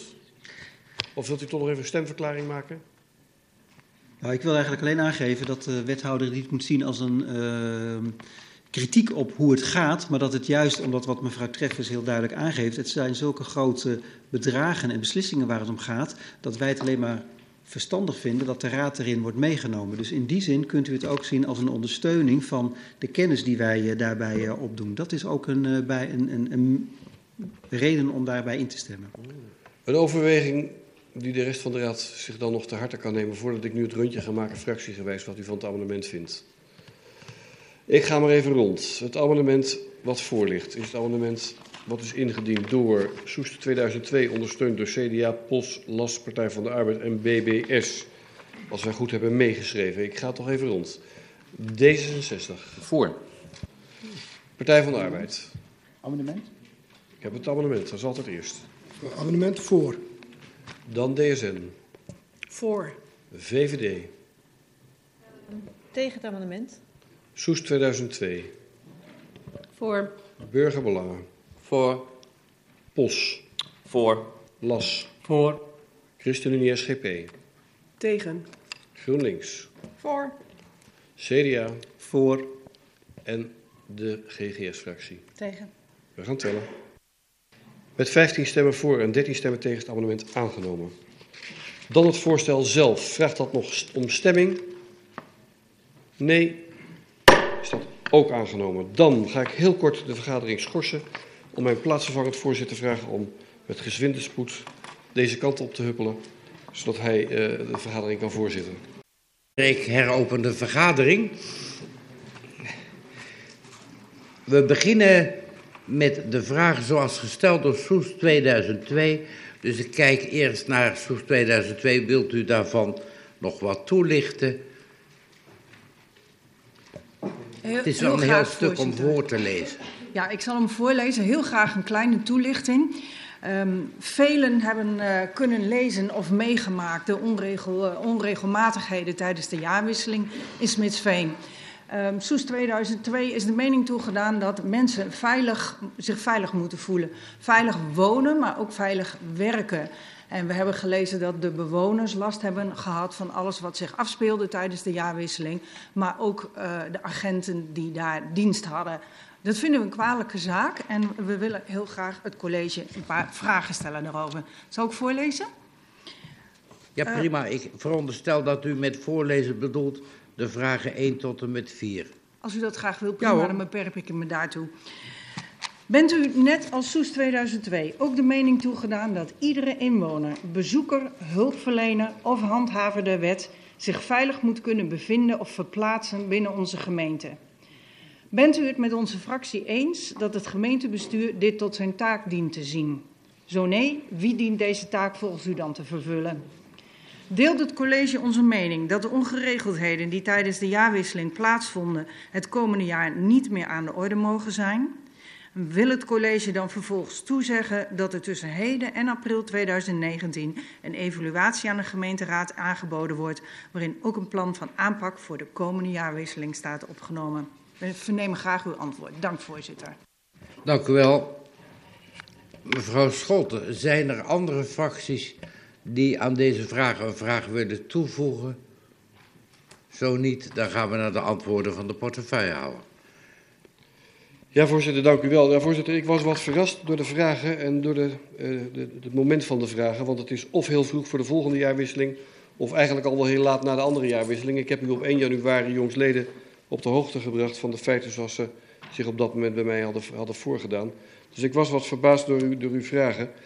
En u heeft het ook over de bewoner, over de agenten. Uh, nou moet ik eerlijk zeggen dat een, een klein aantal inwoners van onze gemeente, naar alle waarschijnlijkheid inwoners van onze gemeente, een gemeente heeft om te moeten rellen en doen, maar de bewoner heeft er geen last van gehad. Zeg ik dan maar in algemene zin. Er waren ongeregeldheden, er waren kleinschalige ongeregeldheden, maar omdat ze geconcentreerd in tijd en plaats waren, waren ze daar wel heftig. Uh, dat, als u dan in uw vraagstelling zegt dat er kennelijk ouders het prima vinden, ja, dat gaat om een, een kleine groep, een dertigtal, op een inwoneraantal van 40.000 uh, of 46.000 zelfs tegenwoordig. uh, is, dat, is dat betrekkelijk uh, weinig. Gelukkig, zeg ik dan maar. Want veiligheid is niet alleen van het Openbaar Ministerie, is niet alleen van de handhavende, uh, daartoe bevoegde organisatie, de politie. Maar, hand, veiligheid is van ons allemaal en daar moeten we ons elkaar ook op aanspreken. Dus als u zegt, bent u, bent u de mening toegedaan? Ja, volgens mij hebben wij daarom ook de politie uh, in het leven geroepen. Hebben we zelfs in deze gemeenteraad BOA's ingesteld. Die daar waar de politie uh, een aantal taken minder effectief kan doen. Dat de, in, de kleine, in klein leed de BOA's zich kunnen doen. En die hebben zich ook in, in hoge mate ingespannen. Sterker nog, er is een grote groep buurtvaders die zich in de wijk Smitsveen goed heeft ingezet. Ik ben vorige week bij ze op bezoek geweest om ze te bedanken daarvoor.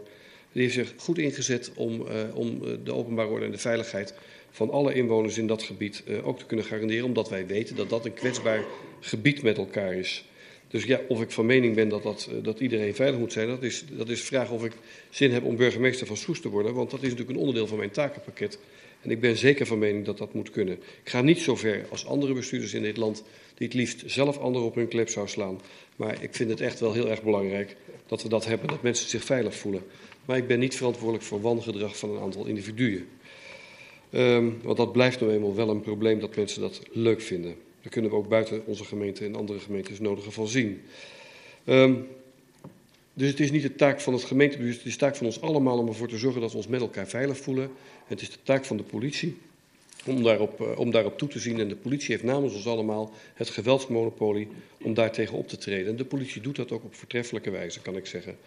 Ik was zelf op oudejaarsavond uh, op het politiebureau in Baren, waar de briefing was, rond tien uur s'avonds. Er waren toen weinig agenten, want ze waren allemaal in Soest aan het werk. Ik heb via andere verbindingsmiddelen met ze in contact gestaan. En we hebben ook alles eraan gedaan om de veiligheid van iedereen te garanderen. En we hebben heel snel ook kunnen downsizen daarin. Dus is dat de taak van het gemeentebestuur? Nee, het is de taak van de driehoek, van het Openbaar Ministerie, politie en van mij, om daarin, om daarin op te treden. En dat doen we dus ook. Uh, Mogen ze niet aan de orde zijn? Nee, in de eerste instantie mogen ze al niet aan de orde zijn. Dat is natuurlijk een vraag naar de bekende weg. Uh, maar kan je het altijd tegengaan? Nee, ook niet. Want er, zijn, zullen altijd een aantal elementen zijn. Anders hadden we ook niet zo'n uitbundig politieapparaat daarvoor nodig. En uh, dan kom ik bij uw laatste vraag. Vindt u dat ik met een evaluatie naar uw gemeenteraad moet komen? Nou, eerlijk gezegd sta ik daar een beetje hoekig in. Want wij doen er alles aan. Op alle, alle jaren, op alle mogelijke manieren. Met alle betrokken organisaties. En dat begint bij balans. En bij het jongerenwerk. Dat begint bij jeugdboa's, bij boa's bij buurtvaders, uh, bij onze gemeenteambtenaren, die op alle mogelijke manieren betrokken zijn. Iedereen maakt draaiboeken, die draaiboeken worden op elkaar afgestemd. En dan toch kan het inderdaad voorkomen dat er een aantal raddraaiers proberen uh, aan het rad te draaien. En dan zullen we ze keurig netjes daarvan beetpakken. Daar heeft u van kunnen lezen dat wij er alles aan doen om ze op te sporen en daar op passende wijze voor te bestraffen. En daar waar we ze te pakken hebben, zullen we dat zeker doen. Maar als ze dan met alle mogelijke gezichtsbetekkende middelen uh, aanwezig zijn, dan vraagt dat enige tijd. En ik zal er ook uit privacyoverwegingen, maar ook uit overweging van opsporingen verder geen mededeling over doen. Dus de evaluatie, kan zeggen dat eigenlijk alle partijen tot nu toe tevreden waren over de draaiboeken. Dat je met een draaiboek nooit kan voorkomen dat er ongeregeldheden zijn. Maar dat we wel uitstekend tevreden waren over de mogelijkheden tot opschaling uh, in escalatie uh, en voldoende middelen hadden om de ongeregeldheden uiteindelijk ook in tijd en, en mate te beperken. En, uh, en, daarmee heb ik denk ik ook uw vraag beantwoord. Want ik denk niet dat het zinvol is dat u met uw gemeenteraad gaat praten over een draaiboek van politie, van ordehandhavers.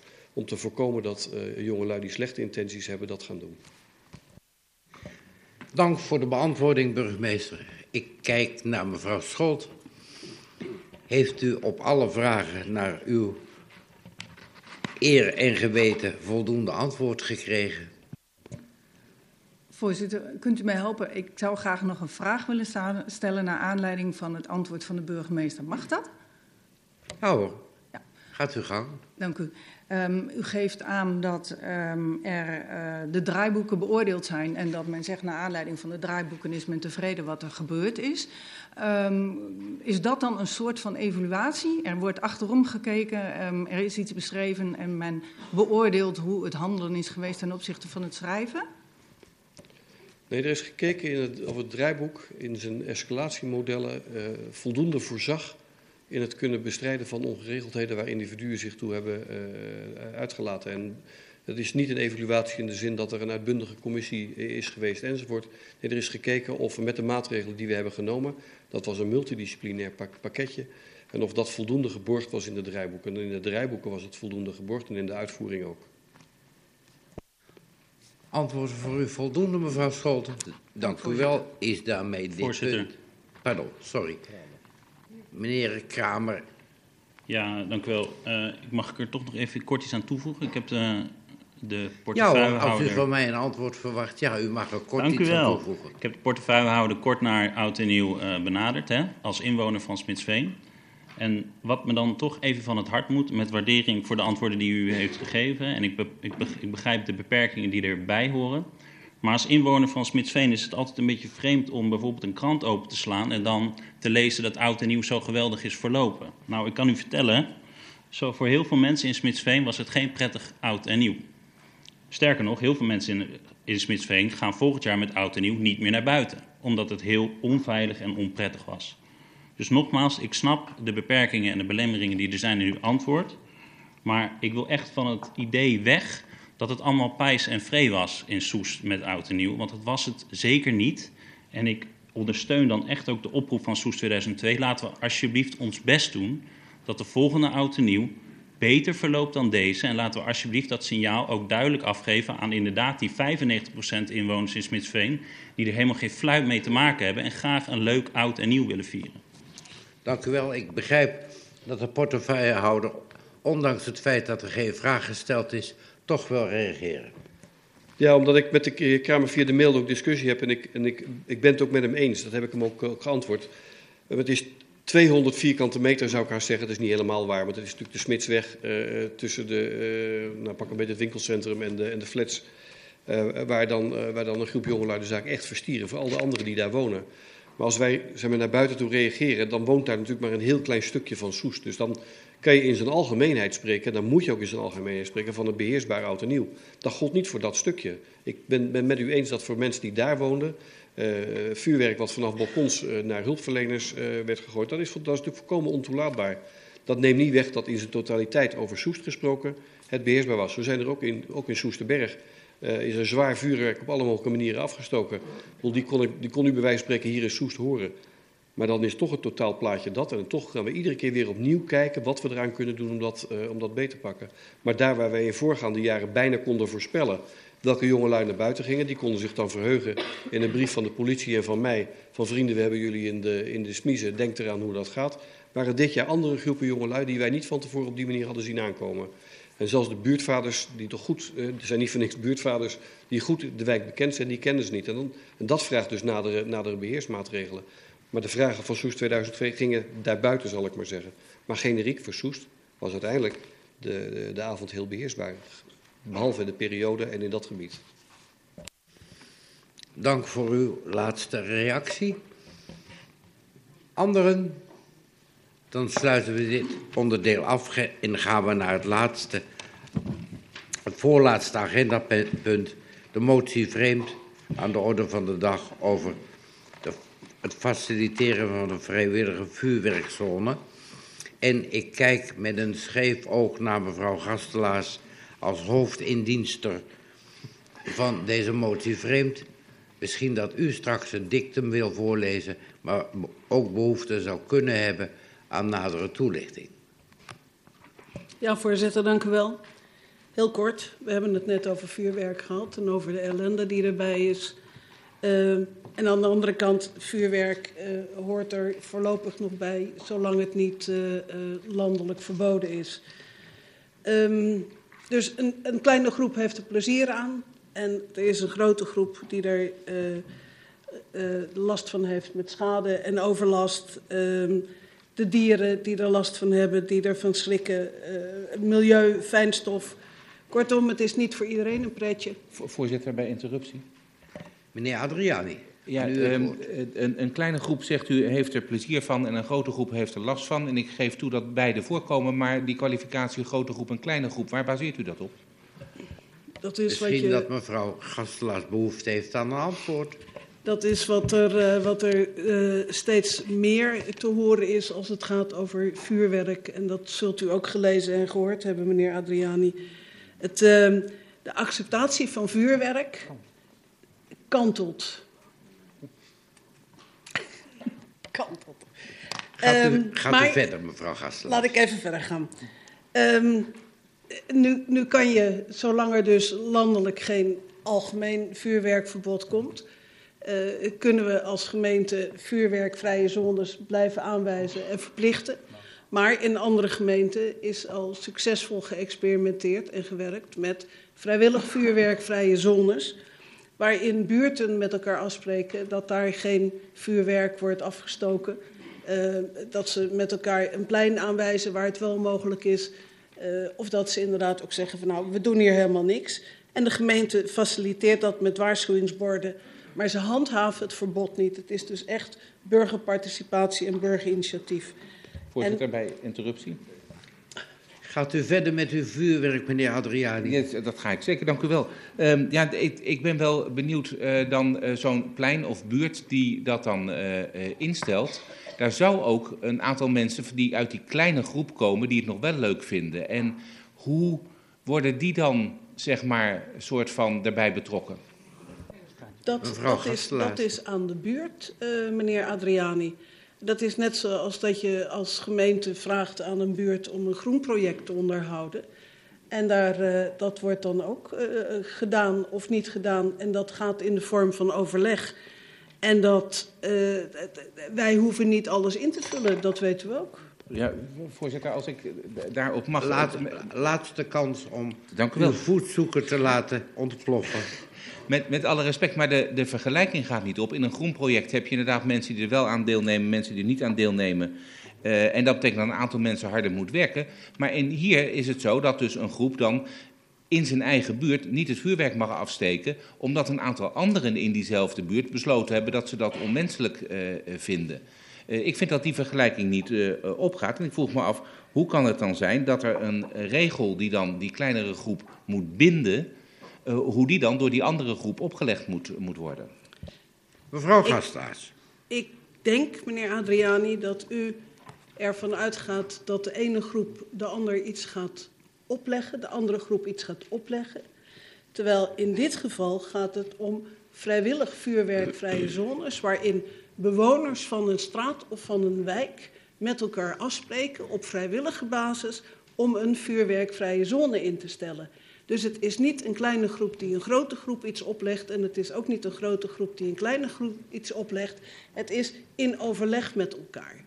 En dat is goed ontvangen in een aantal gemeenten, andere gemeenten. Er zijn goede resultaten mee bereikt.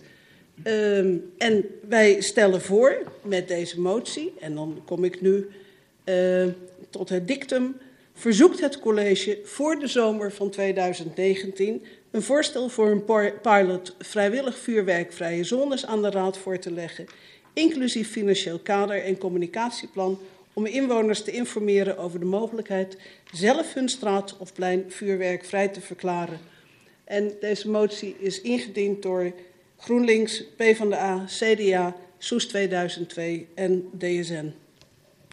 Dank u wel voor uw inleiding, mevrouw Gastelaars. Ik kijk even rond of er een raadslid is die wil reageren. Ik zie meneer Diemers, ik zie meneer uh, Boks, ik zie meneer Corbij, meneer Adriani. Maar die heeft zijn beurt eigenlijk al gehad. Anderen niet, dan eerst meneer Diemers. Dank u, voorzitter. De GGS is tegen het afsteken van vuurwerk. En zo langzamerhand escaleert dat dusdanig in het hele land dat wij van mening zijn dat er landelijke besluiten over genomen gaan, moeten gaan worden. Wij zijn hier echter op lokaal niveau en het invoeren van eventueel vuurwerkvrije uh, vrije zone op vrijwillige basis, daar geloven wij niet in. En in die zin geloven wij er niet in, want handhaving is nagenoeg niet mogelijk met dit systeem. Daarnaast ga je excessen wegbrengen naar andere straten, CQ wijken. Er zal toch niet naar geluisterd worden, dus het vuurwerk zal afgestoken worden en zal het escaleren op plaatsen, niet in die straat, maar verderop. Wat betreft de pilot zijn wij van mening dat, uh, uh, dat de noodzaak er niet voor aanwezig is. Mevrouw Kastelaars geeft aan dat er al diverse gemeentes zijn die dit soort experimenten doen. Onder andere Hilversum, de gemeente Hilversum is er daar één van. En mijn voorstel zou zijn, haal daar de evaluaties vandaan om eens te kijken of dat inderdaad werkt, ja of nee. Er zijn ook andere mogelijkheden om, uh, om vuurwerk, uh, het afnemen van vuurwerk te doen stimuleren. Dat zijn bepaalde beloningsstelsels die ook in de regio worden toegepast. Denk aan de gemeente Woudenberg die daar compromissen mee sluit met de jeugd. Kortom, een vuurwerkvrije zone op, op vrijwillige basis is voor ons niet van toepassing en het instellen van een pilot ook niet. Dank u wel, meneer Diemers. Meneer Boks. Ja, voorzitter, dank u wel. Een van mijn stokpaardjes, het vuurwerk. Maar ik heb een heleboel medebereiders van het stokpaardje volgens mij. Um, vuurwerkvrije zones en dan vrijwillig. Het zou zo mooi zijn als dat zou kunnen. Maar uh, meneer Adriani heeft uh, de bezwaren al, uh, al opgenoemd. Dat wil niet zeggen dat we er niet naar moeten kijken wat, wat ons betreft. Maar ik zou uw motie graag willen uitbreiden. Het dictum uitbreiden en het maken tot voor de zomer van 2019 een voorstel beheersbaarheid vuurwerk, met daarin mogelijk opgenomen een pilot vrijwillig vuurwerkzones enzovoort aan de raad voor te leggen. Met andere woorden, het wat breder trekken. Want ik blijf van mening dat het maken van vuurwerkvrije zones, dat die alleen op draagkracht kunnen rekenen als mensen daar ook het nut van inzien. Als je je kinderen ook kunt vertellen van jongens, daar doe je dat gewoon niet. Want dat is bij ouderen, dat is bij dieren, dat is... Met andere woorden, als je daar een, een door iedereen geaccepteerd uh, uh, reden onderlegt, dan krijg je het voor elkaar. En de reden dat wij in Smitsveen elk jaar weer een soort warzone creëren, is omdat daar die ondergrond, omdat daar die reden niet onder ligt. In de hele omgeving uh, lijkt het wel alsof jongeren afstemmen van... we gaan even lekker rellen op uh, nieuwjaarsnacht in, uh, in Soest... want dat is daar in Smitsveen hartstikke leuk. Dus ik zou willen pleiten voor, uh, kijk nu naar een, totaalverhaal beheersbaarheid vuurwerk en neem daar vooral in mee hoe je uh, die zones geaccepteerd kunt krijgen. Dat zou uh, mijn aanvulling op deze, op, op, deze motie zijn. Dank u wel. Dank u wel, meneer Boks. Dan gaan we naar mevrouw, sorry, meneer Corbij en wellicht dat na het rondje mevrouw Gastelaars nog even kan reageren op een eventuele toevoeging aan haar motie. Meneer Corbijn. Dank u wel, voorzitter. Ja, wij hebben het ook bekeken, deze uh, pilot. Ja, op het eerste gezicht uh, lijkt het heel erg sympathiek, maar wat uh, al eerder gezegd is, volgens mij raken burgers teleurgesteld op een gegeven moment als er niet gehandhaafd wordt. En zeker als de gemeente het faciliteert, dan zullen ze zich ook gaan afvragen van waar, waarom wordt het niet gehandhaafd. Um, ja, wat wij ons ook afvragen van hoe ga je dat in een wijk aanpakken? Hoe wordt dat democratisch aan, uh, aangepakt? Ik kan me zo voorstellen dat er uh, uh, ja, een, een, klein aantal mensen in een wijk, hoe groot die dan ook mogen zijn, daarvoor is voor zo'n pilot en heel veel mensen niet. En ja, hoe ga je dat dan weer aanpakken? Um, een, een derde vraag is, moeten wij als raad dit initiëren? Uh, wij, wij, hadden het liever gezien als een burgerinitiatief. Het staat burgers vrij om een initiatief in te dienen, handtekeningen te verzamelen. En dan kunnen wij uh, daarmee aan de slag. Dank die, wel. die vraag die u stelt, meneer Corbij, is die aan mevrouw Gastelaars of aan de portefeuillehouder? Ja, aan de burgers van Soest zou ik zo zeggen. Ja, ja aan, aan, mevrouw, aan mevrouw Gastelaars. Of de vraag of dit aan ons is, aan de raad, okay. om dit te initiëren. Dank u wel. Dat was uw inbreng in eerste instantie. Gaan we naar meneer Adriani. Dank u wel, uh, voorzitter. Oh, dat is mooi, dan krijg ik ook een derde. Um, um, hoewel ik het niet met de indiener van de motie uh, eens ben dat we er al zijn dat, er, um, dat het nog maar een kleine groep is die vuurwerk wil afsteken, ben ik het wel met haar eens dat het kantelt. En terecht kantelt het, want er zitten allemaal nare kantjes aan vuurwerk. Er staan erbij de tweede bullet van het voorstel uh, een aantal genoemd. En als je goed nadenkt, kun je er nog wel een paar uh, uh, noemen. Um, verzinnen. Ik denk ook dat de toekomst zal zijn dat het vrije vuurwerk op een of andere manier verboden zal worden en dat we naar georganiseerde vuurwerkshows of wat dan ook gaan. Maar dit, voorzitter, gaat volgens mij de oplossing niet bieden.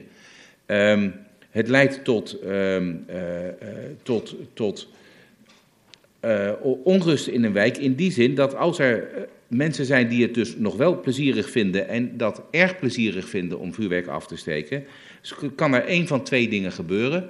Of ze steken het toch af in die, uh, in die wijk. Nou, dat, daar zal het niet wel niet gezelliger van worden als mensen zo'n bordje hebben laten plaatsen.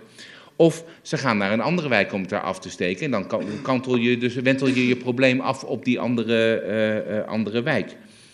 Um, ik geloof niet in deze weg. Ik geloof als je echt van het vuurwerk af wil, dan zul je het moeten verbieden. Er staat in de bullet dat we als gemeente uh, uh, meer, meer ruimte hebben voor het aanwijzen van vuurwerkvrije zones. Laten we daar dan gebruik van maken. Dat lijkt mij beter dan deze weg. Ik denk niet dat wij het gaan kunnen uh, steunen. Dank u wel. Dank u wel voor uw inbreng. Mevrouw Koppers heeft zich nog gemeld. Dank u, voorzitter. Toen uh, voor de kerstvakantie dit punt van de agenda ging of opgeschoven werd omdat uh, mevrouw Gastelaar ziek was, toen Um, kwam de portefeuillehouder naar mij toen, toen ik dat meldde met, het, uh, met de, um, de, de, opmerking dat hij het jammer vond, want hij had een heel verhaal voorbereid. Dus ik ben eigenlijk heel erg benieuwd naar dat verhaal. Misschien kunnen we dat nu gaan horen. Portefeuillehouder.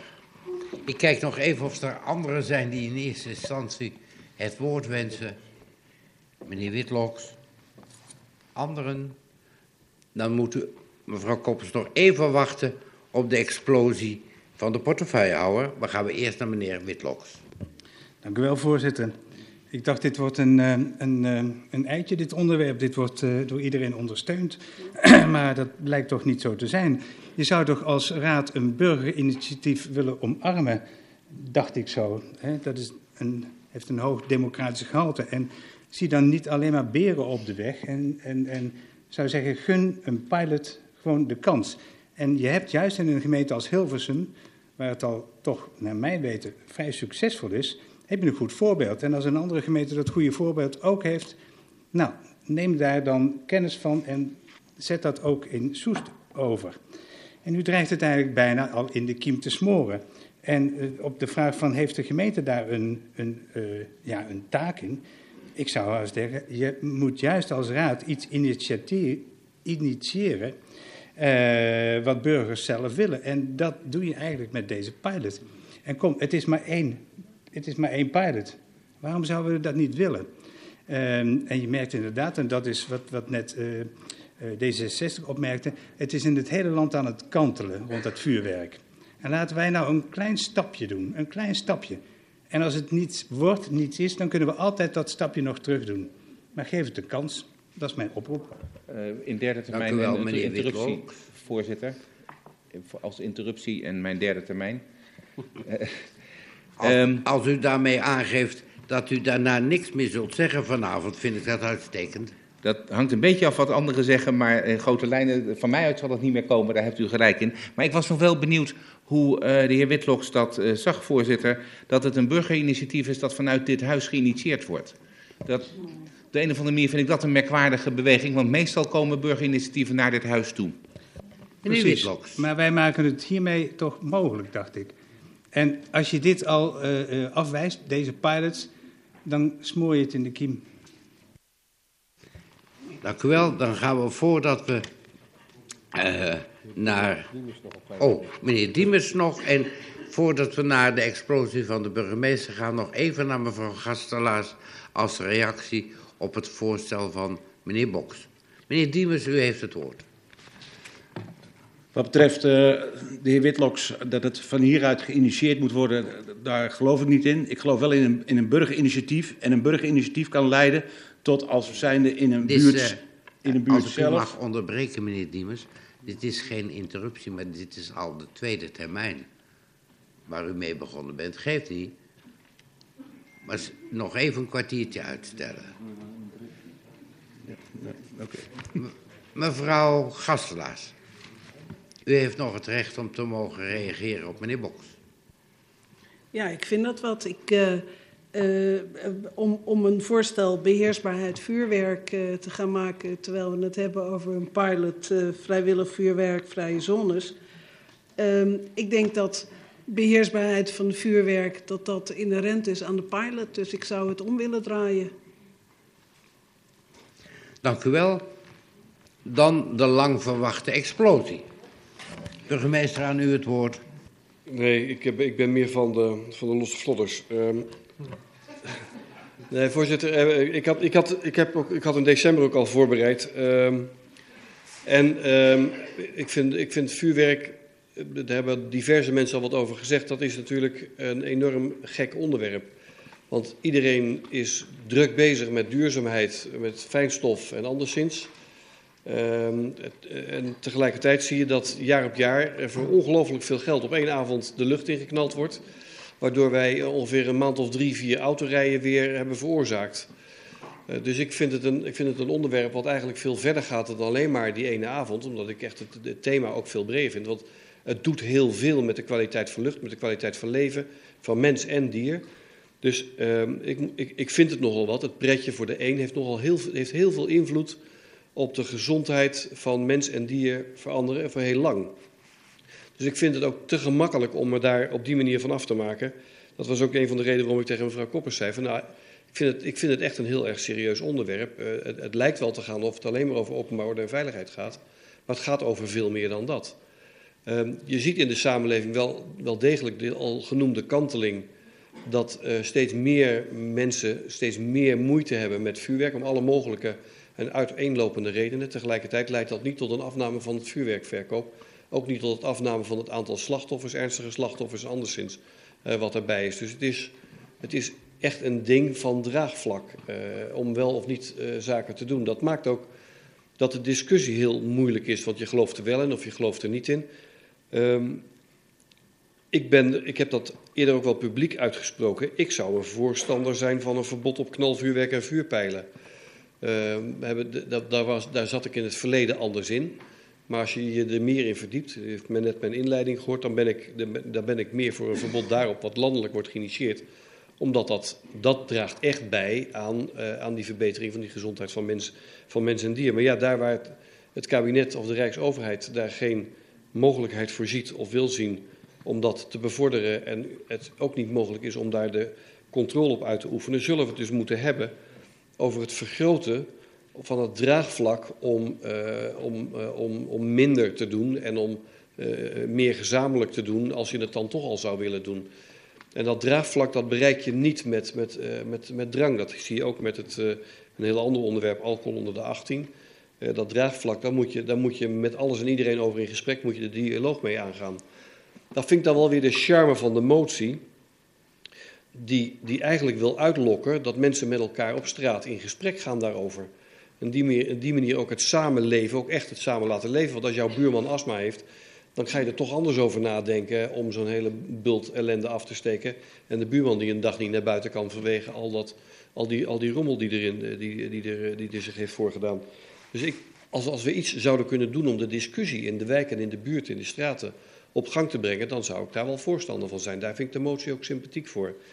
Dus wat ik eigenlijk wil toezeggen is uh, dat, wij, uh, dat wij bij uh, de diverse gemeenten waar de experimenten geweest zijn, dat we daar gaan ophalen hoe dat nou gegaan is, op welke wijze nou dat draagvlak in die straat en die wijk ontstaan is. Want ieder initiatief wat meer leidt tot samen, samenleven en samen draagvlak voor gemeenschappelijk gedrag, dat, dat leidt tot een verbetering van onze samenleving in brede zin en zeker ten aanzien van, van dit onderwerp. Dus ik wil graag toezeggen naar aanleiding van de motie dat wij, uh, dat wij gaan kijken of wij een bespreeknotitie kunnen maken waarin u die dingen bij elkaar kunt brengen.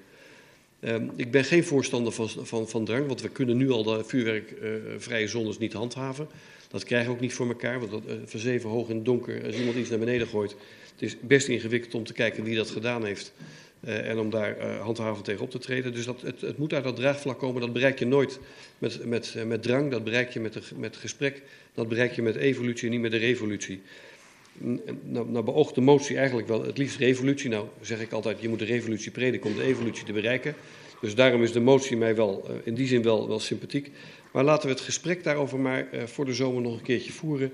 Uh, en laten wij kijken wat in Hilversum, in Zeist en een aantal andere gemeenten waar, waar geëxperimenteerd is, hoe dat daar bevallen is, wat de, wat de discriminerende factoren voor succes waren, wat de beperkende factoren voor het niet-succes waren. En laten we dan met elkaar het gesprek nog een keertje inhoudelijk voeren.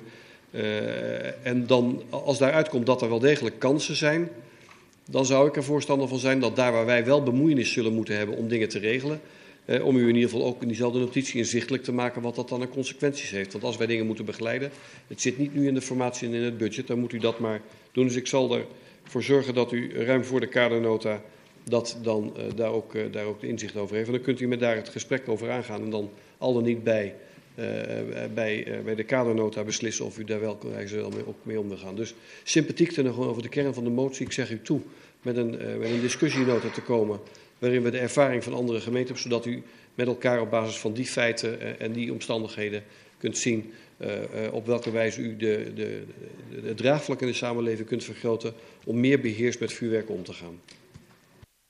Dank voor uw reactie. Uh, voor we naar de tweede termijn gaan, wil ik u erop wijzen dat het vijf voor half twaalf is. En ik met uw welnemen toch zou willen proberen om uiterlijk 12 uur de vergadering te sluiten. Zegt u, dat is me te laat, betekent het dat we morgen dus verder gaan. En dat geeft echt een geknal, moet ik u zeggen. Mevrouw Gastelaars had zich voor de tweede termijn gemeld. Ik had al staan meneer Diemers, die ik het woord ontnam. Wilt u ook nog zo het woord voeren? Niet meer nodig, dank u wel. Heb ik u terecht afgekapt. Zijn er nog... Ja. Zijn er nog Voorzitter. Voorzitter, ik, ik denk eigenlijk... Mevrouw Gastelaars. Ik denk eigenlijk dat met deze positieve insteek van de burgemeester en zijn uh, uh, vloeiende, gloeiende betoog om, uh, om, om te gaan kijken hoe de, de ervaringen zijn in andere gemeenten en wat we hier zouden kunnen gaan doen, dat daarmee de motie van tafel kan. Dus hartelijk dank en we zien uw initiatieven graag tegemoet. Dank u wel. Ik kijk rond, u wacht allemaal op de kroketten, maar die komen toch niet. Dan sluit ik de vergadering, wens u een wel thuis en voor iedereen een drankje en een hapje in de garderobe.